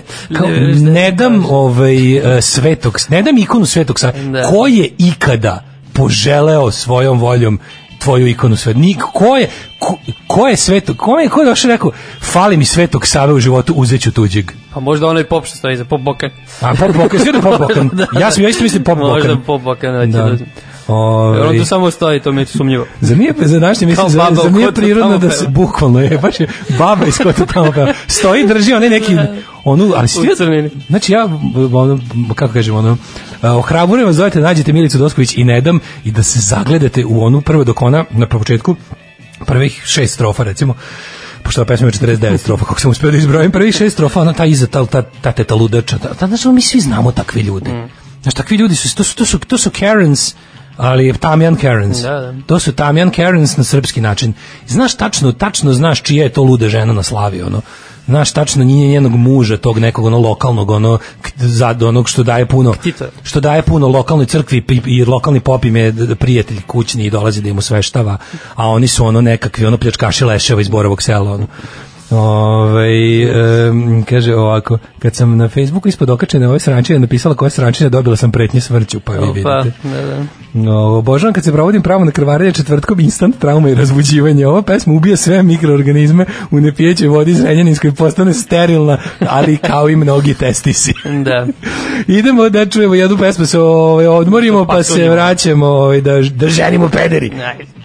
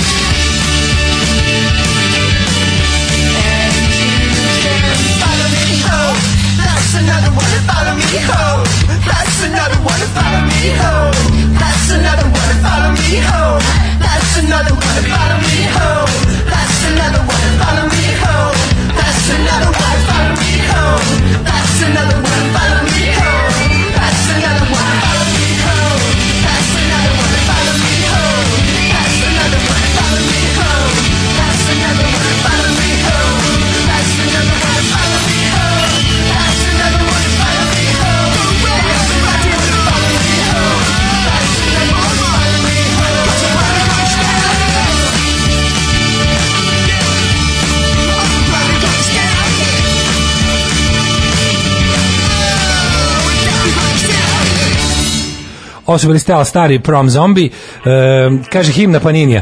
Ne dam Kejna ni Robena, ne dam Kuna Aguera, ne dam Šona, ne dam Prata, ne dam nemam duplikata. Gde se seti Robena? To je žena lokalnog seoskog pekara iz 90-ih. Obogatili se napravili grozne kućerene futog style, pokupovali kola i sad prosipaju pravoslavlje, a okrajak bajatog leba ne bi nikom dali. Tačno znam profil tih groznih To je to, to je to. Bravo, to je to sve što ima se kaže. Osliko si. Nacrta je čoveče, kao da smo tamo. Da. E, ovaj, em, papa. Ćemo Papa, papu. fra, moram se osvrnuti. E. Papa je juče izjavio, šta? E, izjavio... Ne, zašto bi, pa iz, iz Pope Catholic, stvarno iz Pope Catholic. Da, da, baš je ispalo. Kako je ovo pitanje? Young Pope. Young Pope, da. E, e, pa ne, papa u nekom dokumentarcu se, se to pojavilo i njegova izjava da homoseksualci imaju pravo da budu u porodici. E, kao oni su Božja deca, imaju pravo na porodicu, niko ne bi trebalo da bude izbačen ili da bude primoran da se osjeća loše zbog toga što je to što jeste. A on je pre imao u suštini neke onako Pa on izjave... je naj, ovo je do sada naj, kako bih rekao, ovo Najveći je, iskorak, da. ovo je u jednom smislu najhristolikiji papa, Da. zato što je ovaj od svih papa, mislim, Bar ko mi pamtim, ajde da kažem. I, Pa mislim, u- za naših života prethodne. desilo se dosta čudnih stvari. Mi prvo imamo prvog papu koji je u penziji. Da, da, to se da. nije dešavalo Nije, da papa ode u penziju. Znači Mm. imamo prvog papu koji prima penziju. Ne znam, mora se verovatno su zbog njega morali da regulišu novi neki ono fazon u katoličkoj crkvi tamo Je. neke nove formulare da naprave za njega Pa i novi fond. film sa Mislim oni slabo imaju penziju. Mislim katolička crkva verovatno nema penzijsko invalidsko osiguranje pošto oni to it's for life. Da. Pa si gledao film sa Hopkinsom i ovim, kako se zove, Hopkins glumi ovog penzionisanog, a, A, ovaj glumi Price, novo? Price glumi ovog novog Argentinca. Ne, nisam, nisam. Mislim baš kao... po Francisco, dobro. Pa nije loše, mislim malo je izromantizovan, malo je ovaj prikazan kao human being Ratzinger, ali ono, do, dobar je film generalno. Ali ovaj znaš šta sad su imaš tu d- dve stvari. Papa Franja kao naj jel, mislim on je verovatno o čemu se radi. Apsolutno je da on pod uticajem liberation theology. The liberation theology znaš šta je, to je Da. ovaj južnoamerička varijanta nekakvog malo socijalističkog katoličanstva, odnosno o, katoličanstvo koje se oslanja na Hristovu besedu na gori više nego bilo šta drugo. I prvi je papa iz Južne Amerike zapravo. i Zapravo to je prvi papa koji je ja, da mora biti osed- ta, ta liberation theology je zapravo u mada ja uvek kažem ne treba nam liberation theology nego liberation from theology. Mm. Da, da.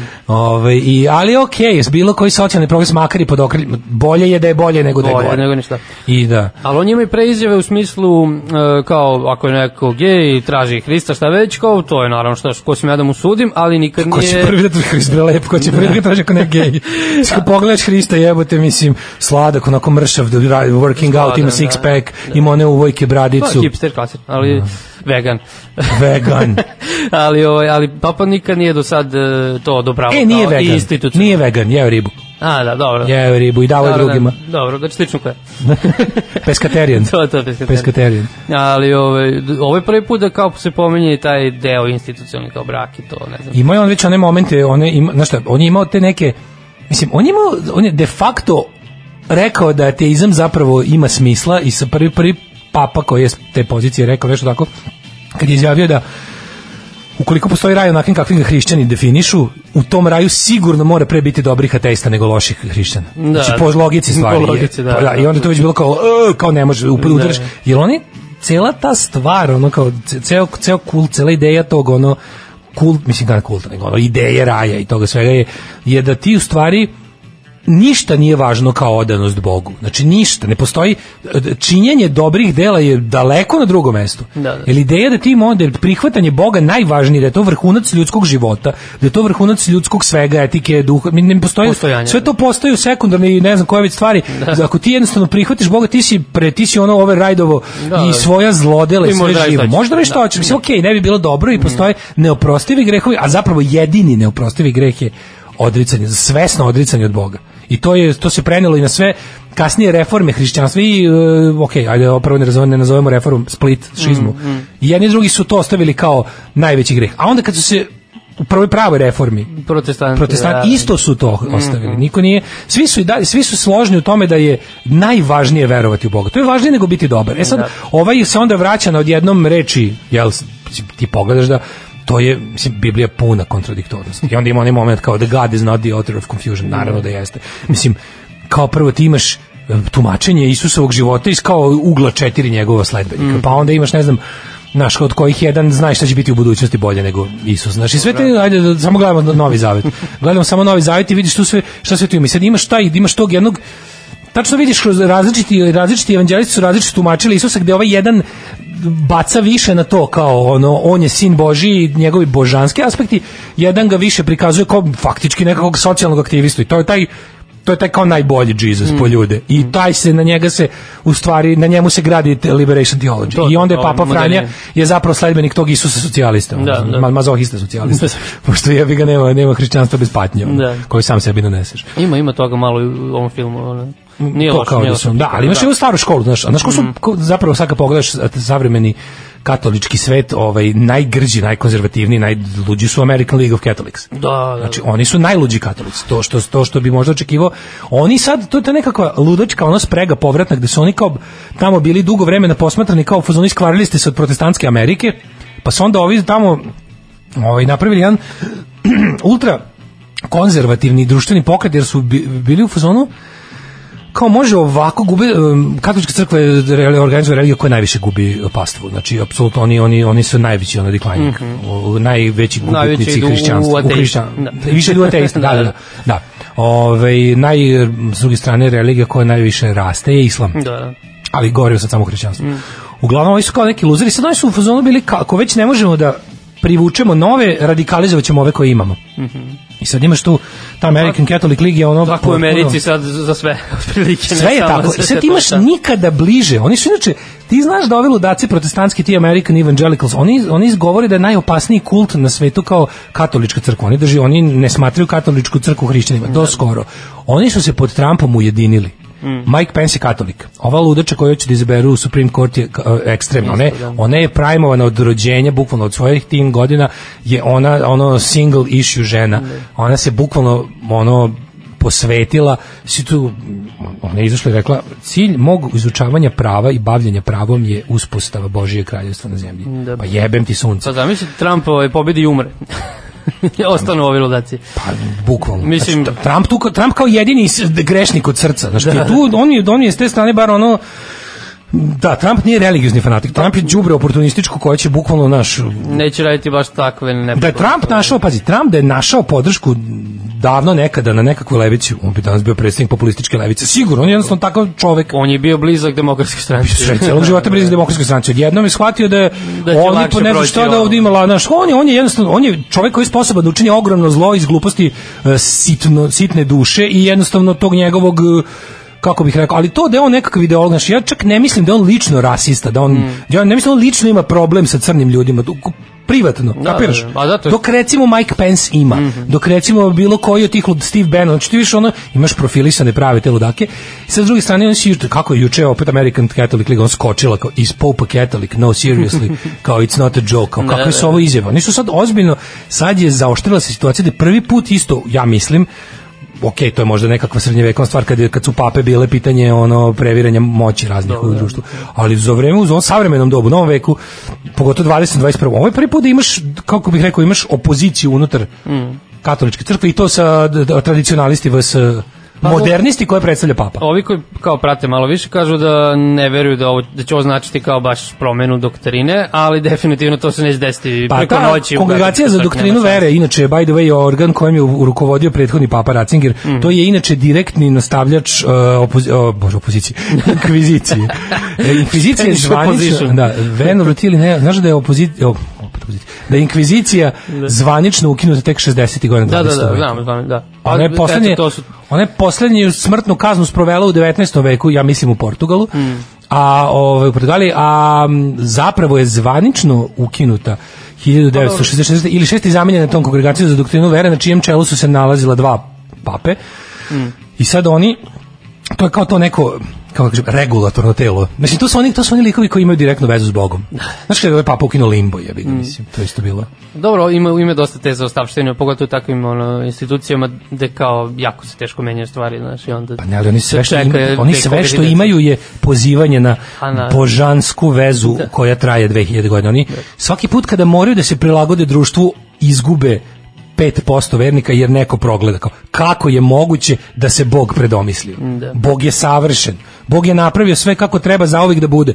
Kako sad Bog odjednom kao ono kad je to kad je bilo kad je papa, pazi, kad je papa ovaj zato što mu bilo žao roditelja u siromašnih u trećem svetu. Isto to isto ja mislim posledica liberation theology. Mu bilo žao roditelja kojima su deca umrla jako brzo po rođenju jer su u neuslovima rođeni jer nisu mogli da imaju dobru Da, da. kontrolu trudnoće ni dobro vođenje trudnoće nisu to jednostavno žive u delovima sveta u kojima to nije moguće i znaš ona ta priča o limbu znaš šta je limbo? limbo Da. je bilo mesto da odlaze nekrštene deca Da, koji zapravo Pa nešto između, jel? pa on je kao to nije ni da kao odlaziš umreš nekršten i odlaziš u limbo Mm. to je to je tim vernicima jadni to su to sve sirotinje znaš ono beda i Mm. i bolest njima je to bilo to, to, to je sa stanovišta jebi ga čoveka više pakao nego raj Da. i onda jednog dana ovaj odlučio da je malo lakše rekao e kao this just in znaš kao "A, čekaj da sinoć sam se čuo sa šefom od gore nema limba nikad Nema ga nije ni bilo limbo ništa. što ono sto milioni su patili zbog tog limba. da, da. Ne, ne, bilo mi lakše, ali opet s druge strane, kod nekog se probudi Ne, ne, i nego- sumnja da to, nešto, da to neko izmišlja. To, zamisli, da to neko vadi iz bulje pravilno. Veruju to ceo život. Pa kao jebote, kako sad jednom nema. No, To, tako to, čisto to. reći, znači oni kažeš, da, da ti sad priđeš tom čovjeku kažeš, e, znaš da su oni sve, sve izmislili? Sve. Izmislili su sve što si ikad verovo, oni to, to možda nešto toga nekim čudom možda bude tačno, ali oni to ne znaju. Oni lažu da znaju. Pa, oni lažu da znaju da, na nekim knjigama. Oni lažu da znaju da Bog postoji, a idu korak dalje. Oni lažu da znaju šta on želi. To je fascinantno. Ta arogancija je meni genijalna. Aj što lažeš da Bog postoji, to možeš sam sebi da lažeš. Da. Ali što drugima pričaš da ti znaš šta Bog želi i na osnovu toga ljudima upravlja živote, pritom ih kažnjavaš i praviš im od života na zemlji pakao ako neće da se da te poslušaju, to je meni fascinantno. Fascinantno što to traje hiljadama godina. To je ali je, znaš šta je što meni potpuno interesantno, što sad ono kao e, ta američka katolička liga i oni, oni, oni lako mogu da izvade deo Biblije koji će da potvrde da su oni u pravu. Mislim, homoseksualnost po Bibliji jeste greh. Znaš, mi sad možemo se pravimo blesavi, ali kao, to je ono što ja stalno sa ljudima koji su kao, pa kao, zar ne bi voleo da je kao to što, zar, kao, zar ti ne bi bilo, zar ne bi voleo da si vernik, kao, zar ne bi voleo da je tako da, je da kao ja razumem da ti misliš da to nije tako, ali ako bi to zaista bilo, pa ne, ne, to kao, ja ne samo da sam ateista, ja sam antiteista. Ja bi, ja, ja bi, ja bi jako, jako mi je drago što će to sve laže. Jer ako bi to sve bile istine, neki ljudi misle da kao uteha u veri. Pa meni je to jezivo. Meni je to jezivo ako, ako, su, ako je stvarno, znaš kako je bilo šta iz Biblije tačno, pa to je potpuno grozno. Da, to bi, da. To je potpuno grozno, to, je, to, to su užasne stvari. Ne, ja, ne- ja ne želim da je to istina. To, to. Svet, ono kao, Ne, nisam van toga skorije reći. vreme Bibliju, pa ne mogu baš da... Pa ne, sve te stvari, kao koncept ideja da ti da mi imamo ovako. Evo sa- samo šta je na, nakaradno? Šta je nakaradno? Postoji biće koje je starije od vremena i prostora. Vre, vre, biće starije od vremena koje je stvorilo sav prostor. Ono od uvek zna sve unapred. Ono od ona to je neka vrsta kako ti kažem, ono jedna jedna vrsta stalnog nadzora. On je, on je neko ko tebi gleda misli, gledate stalno, stalno si nadziran. Ne možeš da mu umakneš ni kad umreš. Od uvek te poznaje, zauvek te kontroliše. A zašto se onda protivimo čipovanju i 5G mreži? A zato što kao to je... Zato ne, nije to. Ali ne, dok to kad dođemo u te protivrečnosti koje ti treba da objasniš Zar to tim radikalnim, to? Radikalnim desnim vernicima. ovaj, Da, da, da. Kao, je li moguće da je taj svemogući Bog spao na to da mu ti trebaš da, da promovišeš?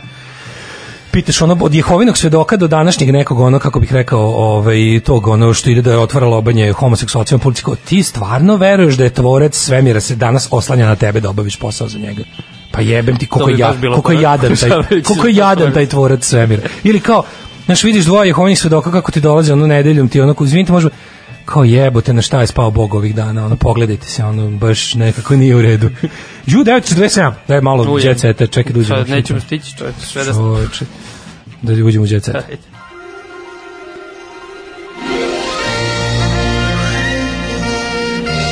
Jet set.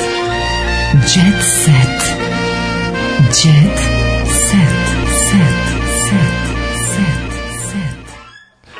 Papa Franja, najjači papa još od onog pape što je bio pravoslavac dok je u Carigradu sedeo ikonoborački patrijarh. Ko nam je upao? Da, pa. Bravo. Ove, kaže, da li nam se opet zaleteo na tri strane, fali mu još jedno usto da kaže sve što hoće. E, ovaj razviće samo dvoglašće da može sam sebi da uskoči u reč.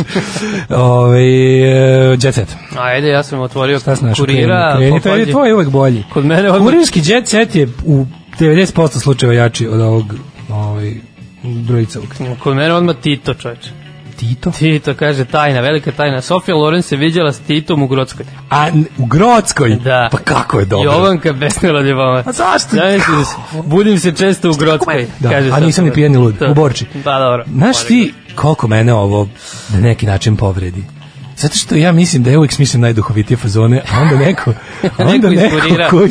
Znaš kada je meni palo pamet da je Tito guzio Sofiju Lorenu Grodskoj? To je, mislim, znaš, ono kao, to, to, to je moj tweet koji ja nisam stigao da napišem, jer je neko bio smešniji od mene. Da. Ja sam besan, razumiješ? Ne, evo, ima i vila kako je izgledala. Gde se to radilo? E, f- f- Sofija Loren bila je zaljubljena u nekadašnji Daj, je li ima spomen soba? ja bi to išao da ga dobiđem, čovječe. Znači kao mesto da je Tito guzio Sofiju Lorenu Grodskoj. Pa to od toga bi mogla opština da živi bolje od svih poljoprivreda. da se snimaju filmovi. Pa da. Kakva poljoprivreda, kakve voće, kakve bakrači. Znači, spomen soba Tito, Tito je guzidbe Sofije Loren. Kad se to dešavalo? tajnu otkriva i 60-ih. Tajnu otkriva izves- izvesni Nenad Vuković koji je pre nekoliko godina otkupio Titove vinograde. Aha. Opa, vidi, vidi. I šta je našao Kurton Tito? Čuo sam razne priče, ali činjenica da je Tito gostio, gostio Sofije Loren. Gostio je od... gostio je. Stinju gostio, dobro. Si gostio? Gostio u dužini dva školska časa. Da, on je bio veliki zavodnik hedonista. Jovanka je bila ljubavna kad je Sofija dolazila iz Italije. Šta da, su da, dokazi? da. Ja vratio bih se na malo pre priču zašto ne verujem, nema dokaza. Zašto ne verujem u Titovu? Zašto sam otvoren za predlog da je Tito guzio Sofiju Lorenu Da. dok mi se ne dokaže suprotno. Šta kaže? Koji su dokazi? Pa kaže, tad sam bio mlad, bila je velika bio čast raditi za predsjednika. mlad, dok je Tito Sjećam se guzio kad je dolazila Sofija, ona je da. bila zaljubljena u njega, eto, to je, to je izvor. Ali ima nešto ono tipa našao sam krvav čaršav ili nešto, nemam pojma, ono vikala je o Mija Madre dok je to Nema, ne, ima samo da je bio ovaj, ne, to je španski, razočaran u- to je španski. Mama mi je. Mama mi je. Kaže, razočarao se u Cuneta. A prvo je njega odbio. E, onda Njega je na školskom bro- brodu Galebo, na kojem je znao da uplavi skroz do Da. Grodske. A ne, kaže, zabranio mu dolazak kada je pevao srpskoj emigraciji u Kanadi. Cune. E, cune, cune. Nemojte ti to zune. To je DB saznao i to mu je Čekaj, bilo vrlo zabavno. ja, mo- meni je ovo je meni je sve. ovo tema. Da, zašto nismo ranije videli? Ne znam. Mogli smo ovo da Kako pokrijemo, izgleda, da kako papu. izgleda prostorija gde gde ti je to guzio Sofija E, pazi, vidi se kuća s polja, znači onako neki bršljinovi, onako, da, Opa. da, da, bršljinovi, ovaj neki obraz, lepo sve, sve. Moderno sad deluje. Ao, majko mila. Ove, čekaj da šta još imam ja ovdje. Ne, mislim sad sa ove stvarno ni će neću, ni blizu doći. Ono. Novak i Jelena se opuštali pred slavlje sina. Stefan proslavio rođendan u Beogradu. Jelena je kompleksom... Šta? Ja, kao, je, ništa, kako Jelena s kompleksom, ja gledam ono kao što, kao otkud da dobi The Blitz piše, ono, ona tamo, pa da, ona njima, ja mislim da ona neka tamo, ona neka muda u tom Axel Springer, ona ima tamo novine svoje drži. Aha, mogu. Ona kako se zove nešto original magazin ili tako nešto, ona je tamo neki štitor. Aha, jedan notka. Jelena je kompleksom kojem živi prošetala psa. Kakva rečenica je, jebote. Ne, pa Blitz briljira ovih dana stvarno sa, sa izrazom. Jelena je kompleksom u kojem živi prošetala, prošetala psa. Ovo su baš ono kao kako se sve, na koje sve čudne načine se može. A onda je sela da popije sok i pročita malu knjigu. Pa dobro, pa mislim, jedan lep, lepa ljudska priča. Za to vreme Novak je ulazio u auto nakon završenog treninga. Kristijan saslušan zbog prijetnji staniji. Jeste Da. vidio da si upoznat za slučaj eh, oko čega su se popičkali njegove? Ne? O, on je njoj organizovao da pobedi u ovome zadnjoj turi zadruge tako što je ono naku, nakupovo naplaćuje ljudima da šalju poruke. Dobro, da, to I to je, klasika. to, ta operacija je koštala 25.000 evra. Dile Aha, nije mu dala pa- nije mu dala reket. Pola pola je trebalo da, Da, bude. da, ne da. reket, fino su se oni, čak je Kristijan i bio dosta ovako, Da, da, da. bio konstruktivan i Lapo, pun lapo. razumevanja. Međutim, ostala mu je dužna, umjesto 12,5 isplatila mu je 11,100. I onda je jebi ga, najgori su ti, znaš, kad krenu. Ja, stvarno. Kaže, Nada Topčagi sprema drva za zimu na tari. Mhm. Ponovo je otišla na taru da Njoj spremi puh drva za zimu. kuću, ne znam da znaš. Stvarno? Mm. Puh. Puh, puh, da. Puhovnik. E, Puhovski. Tanja tvrdi da je muž ucenjuje. Dovešću decu u Srbiju, ako, dovešće decu u Srbiju ako se pomirim s njim. E, oduvala svećice u društvu prijatelja Boba iznenadio Brenu žurezom za rođendan. E, stop everything. Bilo je socially distanced, e, ovi što su nosi, posluživali su imali maske i to prave, sad preko nosa. Folk zvezda napunila 60 godina, Boba, Bre-? Boba pojeo sve što su isterali i tako. A, dobro. U Lepša Brena u subotu svira u CK, doćete. To je hipstera, jel da? Teški. Synth pop. Aha. E, ali kaže, Đani oženio sina, ne znam da ste to vidio. Danas Đani ženi svoga sina u opštini Savski venac. Savski venac i Da, ali zbog korone je izostalo veliko slavlje. Da, on je jedan, Ali ne, a samo- on je, on je, on se opekao. Sad su oni bili uhapšeni na početku Da, epidemije. da, da, da. Đani, oni su pravili tamo kermes negde su Jesu, ne, vidi- tu fotku On, on znači, sada, stvarno. on sada, ovaj, e, kako bih rekao, on je sada vodeći ovaj, pr proponent socijalnog distanciranja Kaže, mi mladi roditelji ćemo ići na ručak kod kuće. E, lepo se. Imaš nešto, ja nemam više djeceta. Pa ne, Nataša Bekvarac krstila mlađu čerku. Ja, Krstila mlađu? Prosto koristila. A, zato mlađa nije došao. Krstila ga Nataša Bekvalac. Krstila mlađu. Potapala ga u vodu i tako. Slušali ste Alarm sa, ovaj, sve slušali ste Daško i Đorđe Show. Ovaj, e, čujemo se sutra. Živeli. Ćao vam. Ćao.